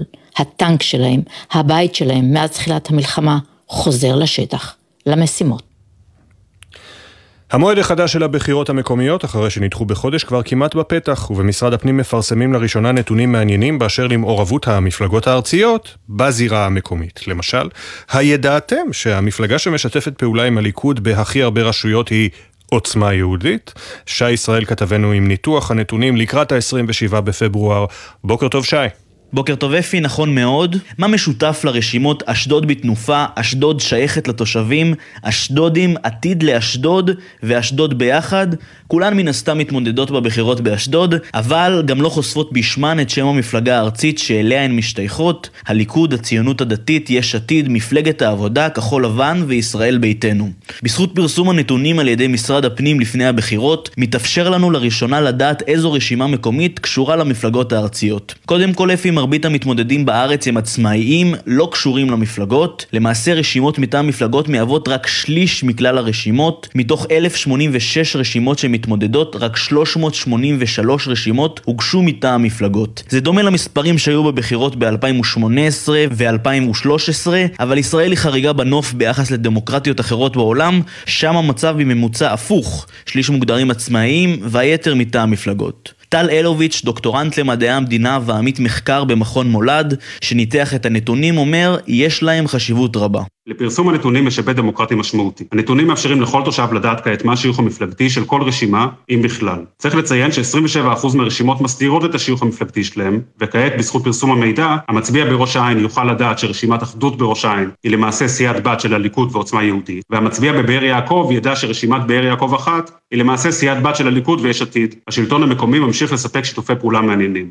הנתונים מלמדים אפי גם על היקף שיתופי הפעולה בין המפלגות השונות. בבחירות המקומיות רשימה יכולה להיות מוגשת על ידי יותר ממפלגה ארצית אחת. בבחירות הקרובות קיים גידול משמעותי של כמעט פי שניים בהיקף שיתופי הפעולה. הדבר יכול ללמד על התרופפות הזיהוי החד-ערכי עם מפלגה אחת ותנועה של מצביעים בין מפלגות. שיתופי פעולה חדשים בולטים הם של הליכוד ועוצמה יהודית, שנוספו על שיתופי פעולה מסורתיים עם הציונות הדתית, וכן שיתופי פעולה בין יש עתיד למפלגת חוסן לישראל, כלומר כחול לבן. בנוסף, ניתן להבחין בירידת הרשימות שהוגשו על ידי המפלגות הוותיקות. הליכוד, הציונות הדתית, מפלגת העבודה ומרץ, כולן הגישו משמעותית פחות רשימות מאשר במערכות הבחירות הקודמות. מספר הרשימות של הליכוד והציונות הדתית צנח ברבע, במפלגת העבודה נתונים דרמטיים יותר ומעידים על ירידה של 60% אחוזים. אז לפי הנתונים הופכים שקופים ושקופים יותר, נקווה שגם הניהול לאחר הבחירות יהיה כזה. תודה, שי ישראל. הרבה רשימות יש באשדוד. תודה. עכשיו אל אילון מאסק, שהודיע הלילה באמצעות רשת X על השתלת שבב מוחי באדם, שבב של חברת ניורלינק, שגם היא בבעלותו. מה זה אומר? שחר קנוטובסקי, כתבת חדשות החוץ, שלום. בוקר טוב אפי. היזם אילון מאסק עדכן לפנות בוקר ששבב מוחי של חברת ניורלינק שבבעלותו הושתל אתמול בפעם הראשונה באדם בניתוח שהסתיים בהצלחה. הסטארט-אפ הזה של ניורלינק שואף לאפשר שימוש בטלפון, במחשב, אולי גם במכשירים חכמים נוספים, דרך פעולות המוח בלבד, ובעצם בלי צורך להפעיל איברים אחרים כמו הידיים או הפה. זה אמנם נשמע דמיוני, אבל ננסה להסביר בפשטות איך זה עובד. השבב הזה מושתל באזור במוח, באזור ששולט בפקודות של התזוזה של הגוף, הוא מסייע בהעברה של אותות חשמליים, סוג של פקודות, למכשיר החכם. הרעיון של לשלוט בטלפון באמצעות המוח יכול אולי לקרוץ להרבה הרבה אנשים, אבל בחברה מדגישים שקהל היעד העיקרי, וגם אלו שיזכו ראשונים בגישה לטכנולוגיה הזו, הם אנשים קטועי גפיים, או שסובלים ממוגבלויות פיזיות או נוירולוגיות. No ability to operate their muscles and um, enable them to operate their phone faster than someone who has working hands. מאסק מסביר, באמצעות השבב נוכל לאפשר לאנשים ללא יכולת להפעיל את השרירים, להשתמש בטלפון שלהם מהר יותר מאנשים עם ידיים מתפקדות. ככה הוא הסביר לפני כמה חודשים, כשהוא הציג את המוצר שיקרא בשם ההולם טלפתיה. את האור הירוק לבצע ניסויים בבני אדם הם קיבלו כבר במאי של השנה שעברה, עם אישור של מנהל התרופות והמזון האמריקני. בכל מקרה למנותח שלום, מאסק סיפר שהוא מתאושש ושהם מזהים אותות ראשוניים מבטיחים במוח שלו. ניורלינק נגיד היא לא החברה היחידה בשוק, אה, מתחרות כמו חברת בלק רוק, מחזיקות גם הן שבבים ניסיוניים דומים, אבל אלו מיועדים לשליטה מוחית במכשירי עזר ספציפיים יותר, כמו כיסאות גלגלים וזרועות רובוטיות. השבבים של מאסק דורשים טכנולוגיה אחרת, ובעיקר שאפתנית יותר. תודה, שחר. פינת התרבות, ענבל גזית, בוקר טוב.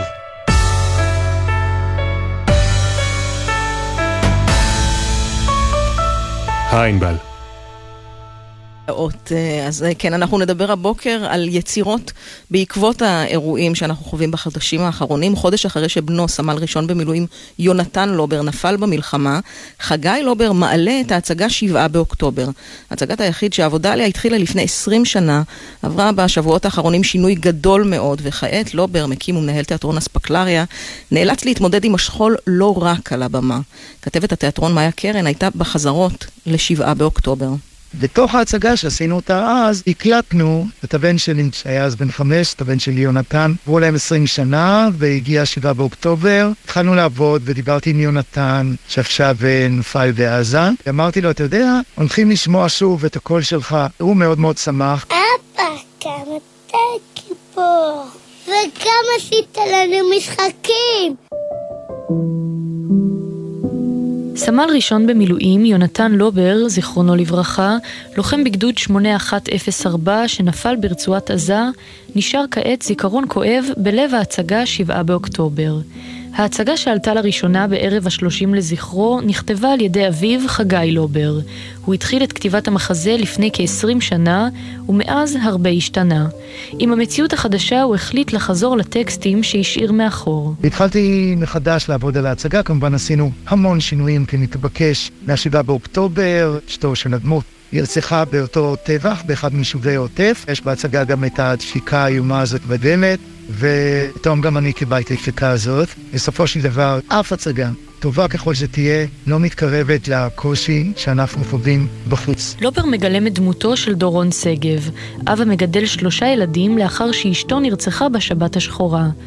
למרות שהסיפור שונה מעט מהמציאות שחווה חגי, הוא מרגיש איך השכול מחבר בינו ובין הדמות שיצר. אני מרגיש הזדהות מוחלטת עם הדמות, דברים שלפני שהבן שלי נפל, אני ידעתי להגיד אותם וידעתי לחשוב אותם, אבל לא ידעתי להרגיש אותם, עכשיו אני מרגיש אותם המון כוחות. אני משקיע בזה, לא קל לי לפני, לא קל לי תוך כדי. יש בזה גם משהו מצד שני משחרר, וזה הכל ביחד. והיא גם נותנת כוח והיא גם סוחטת כוח, ההצגה הזאת. למרות הקושי שמתעורר בחגי לובר, אין בו כל כוונה להפסיק. התרומה שמקווה להעניק לקהל, ואולי גם לבנו יונתן, גורמת לו להמשיך לעלות על הבמה של תיאטרון אספקלריה בירושלים בכל ערב מחדש. ההצגה הזאת קוראת לעבודה ורק ביחד. כמו יונתן שלי שהסתער על האויב, הוא הזיז את החייל שהלך לפניו, כי הוא אמר לי יש נגב, זה כוח אש יותר חזק, ואני בטוח שבאותם רגעים הוא לא בדק אם החייל הזה יש לו כיפה או אין לו כיפה. יונתן, בשלושים שלו, הסתכל עלינו מלמעלה ויחייך, והרגיש שהקול שלו והקהל הנפלא שיבוא לכאן עשו משהו טוב. אפי, יצירה נוספת שעתידה לתאר חלק קטן ממה שהתרחש בשבעה באוקטובר, היא סדרה חדשה שתעסוק בסיפור הגבורה של תחנת המשטרה בשדרות. בין 12 דיווחו כי דרור משעני ומויש גולדברג יוצרים כעת לקשת 12 סדרה עלילתית, מתוסרטת, כלומר זה לא משהו אה, תיעודי, על שוטרי תחנת שדרות, אלה שהתמודדו באותה שבת עם מתקפה של עשרות מחבלים שניסו להשתלט על התחנה ועל העיר כולה. 30 שוטרים נפלו כזכור בקרבות שם בעיר. גיא רימון כתבתנו מוסיפה כי הסדרה תספר בהשראת האירועים את סיפורם של שוטרי שדרות מלפני 7 באוקטובר, באוקטובר ועד סופו של הקרב הזה שנמשך 24 שעות, אה, באמת אה, סיפור מטריד, והיצירות התרבותיות שאנחנו רואים ורואות אה, שנולדים בעקבות הימים האלה יהיו מאוד מאוד מאוד מעניינים, וגם איזשהו גלעד, איזושהי מצבה לזכרם של האנשים. זה כמובן עומד בניגוד מוחלט, אני מנסה כל פעם לא לדבר על האירוויזיון, אבל כל פעם מחדש יש עוד איזו עצומה של עוד איזו קבוצה באירופה שרוצה להחרים את ישראל. חבר'ה, זה לא יעזור. אגב, דיברנו בתחילת השבוע על הזוכה בלוקסמבורג, ישראלית, אה, נציגתנו אה, במובן מסוים, היא כבר חוטפת אה, לא מעט שטנה ברשת, אני אקרא לזה, בסדר? כבר קוראים לה קריאות לא איי איי איי. אני אומרת בעדינות, אנחנו כמובן נחזק אותה מכאן ונראה בשבוע הבא מי יהיה הנציג או הנציגה שלנו, גם הם יצטרכו להתמודד עם לא מעט. יהיה להם קשה מאוד, כן. כן, כן, אנחנו נצטרך להיות כאן גב גם לדבר הזה, אני לא משווה חלילה לכל דבר אחר קשה שקורה כאן אה, אה, בישראל, mm-hmm. ובכל זאת אנחנו צריכים גם חוסן בעולם אה, הזה התרבותי. ענבל, תודה. בוקר טוב.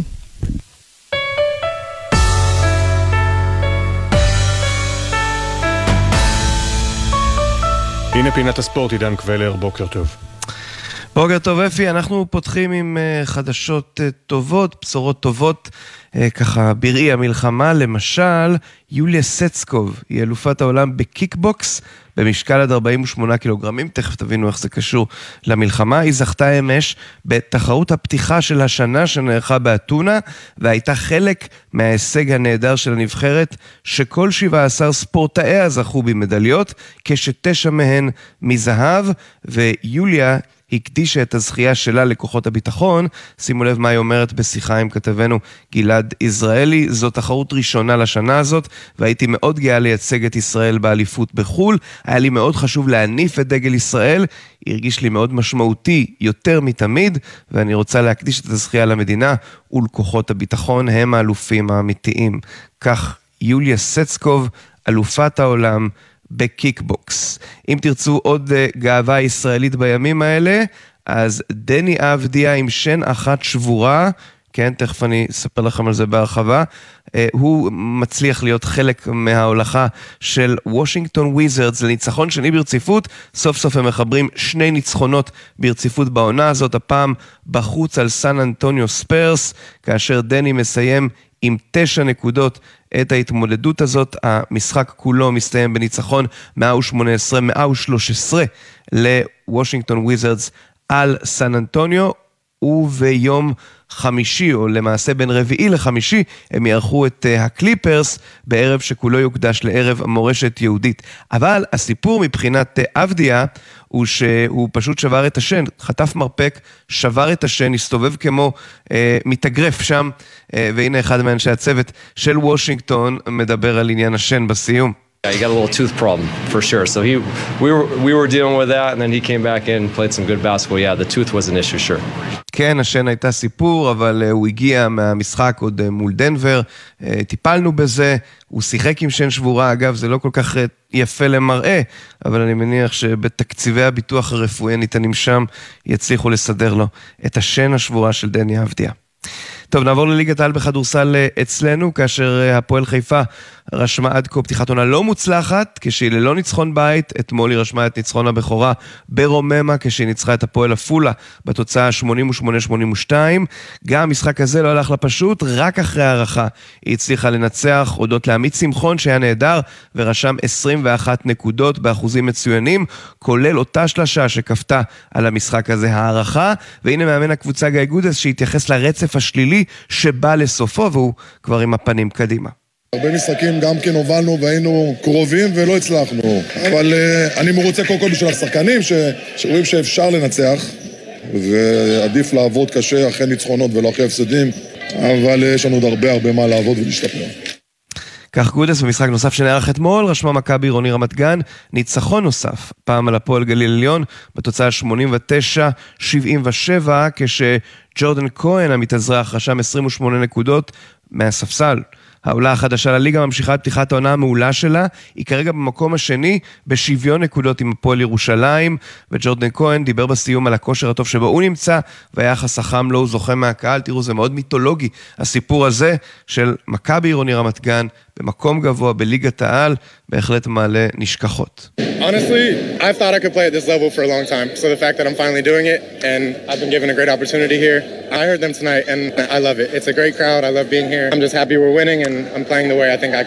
כן, אז אומר ג'ורדן כהן, האמת שחשבתי שאני יכול לשחק ברמה הזאת תקופה ארוכה, סוף סוף זה קורה ואני מנצל את ההזדמנויות שלי. לגבי הקהל, שמעתי אותם הערב, אהבתי את זה, שמחתי שהם מנצחים ושאני משחק בדיוק כמו שאני מסוגל. מכבי תל אביב בכדורסל המריאה ביום ראשון האחרון למדריד, שם היא תפגוש הערב למשחק חוץ קשה ביותר את אלופת המפעל ריאל מדריד, והצהובים יקוו להשיג ניצחון במקום בו אף קבוצת יורו ליג עוד לא ניצחה, כשלזכות הבלנקוס מאזן ביתי מושלם, ועודד קטש מאמן הקבוצה התייחס למאזן הכוחות הזה ולשבוע המאוד עמוס של הקבוצה שלו. ריאל זה אחר, הגודל שלהם אחר, אנחנו צריך להתכונן לזה בצורה אחרת. כשאנחנו מרוכזים בתוכנית משחק, אנחנו יכולים לבצע, אבל כמובן שבאים לשחק נגד ריאל מדריד, הרבה דברים תלויים בהם. וזהו, מסתכלים קדימה לשבוע באמת, באמת חשוב וקשה. כן, אז uh, בעניין uh, אליפות אפריקה לאומות, משם יוצאת בשורה דווקא למכבי חיפה לקראת משחק העונה בכדורגל, בשבוע הבא מול מכבי תל אביב. הרי שסנגל מודחת, זו אמנם לא בשורה טובה באופן כללי, אבל למכבי חיפה זה עוזר, מכיוון שעבדולאי סק, הבלם של מכבי חיפה ונבחרת סנגל, בעקבות ההדחה הזאת של סנגל מאליפות אפריקה בשלב שמינית הגמר, יוכל לשוב לישראל ולהיות uh, בסגל של מסיידגו לקראת המשחק מול מכבי תל אביב. אז סנגל אמנם הוליכה 1-0 משער של דיאלו בדקה הרביעית על חוף השנהב, אבל כדור עונשין מ-11 מטרים בדקה ה-86 לחוף השנהב הביא לה את השוויון, היא מארחת את הטורניר הזה, ואז בהערכה לא קרה דבר, אבל בקרב בעיטות הכרעה מ-11 מטרים, חוף השנהב מנצחת 5-4, ובסופו של עניין היא מעפילה לרבע הגמר. סנגל, אחת המועמדות לזכייה, הולכת הביתה, וסק חוזר לחיפה. עד כאן הספורט, אפי, בוקר טוב. תודה.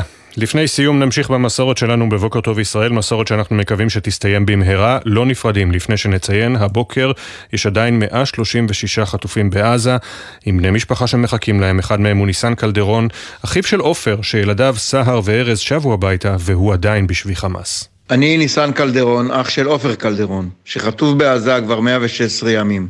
אני והמשפחה לא נפסיק להיאבק עד שיחזור. אח שלי, אוהב אותך ומתגעגע אליך המון. אנחנו מסיימים, העורך הראשי של בוקר טוב ישראל הוא שרון קינן, עורכת המשנה מיה אורן, המפיקה הראשית של בוקר טוב ישראל, גם הבוקר אורי שילה, לצידה גיא אדלר, על הביצוע הטכני אלה מוטולה, בפיקוח הטכני דני אור, עורך הדיגיטל רן לוי, תודה גם למשה טורקיה, אחרינו ספי עובדיה ויאיר שרקי, משפחות שמעוניינות להשתתף במיזם מאחורי השמות מוזמנות לשלוח מייל עם חוויה אישית או סיפור לזיכרון שטרודל glz.co.il, זיכרון עם K, אנחנו ניפגש שוב מחר, יום רביעי, שש בבוקר, עוד יבואו ימים טובים יותר. בוקר טוב ישראל.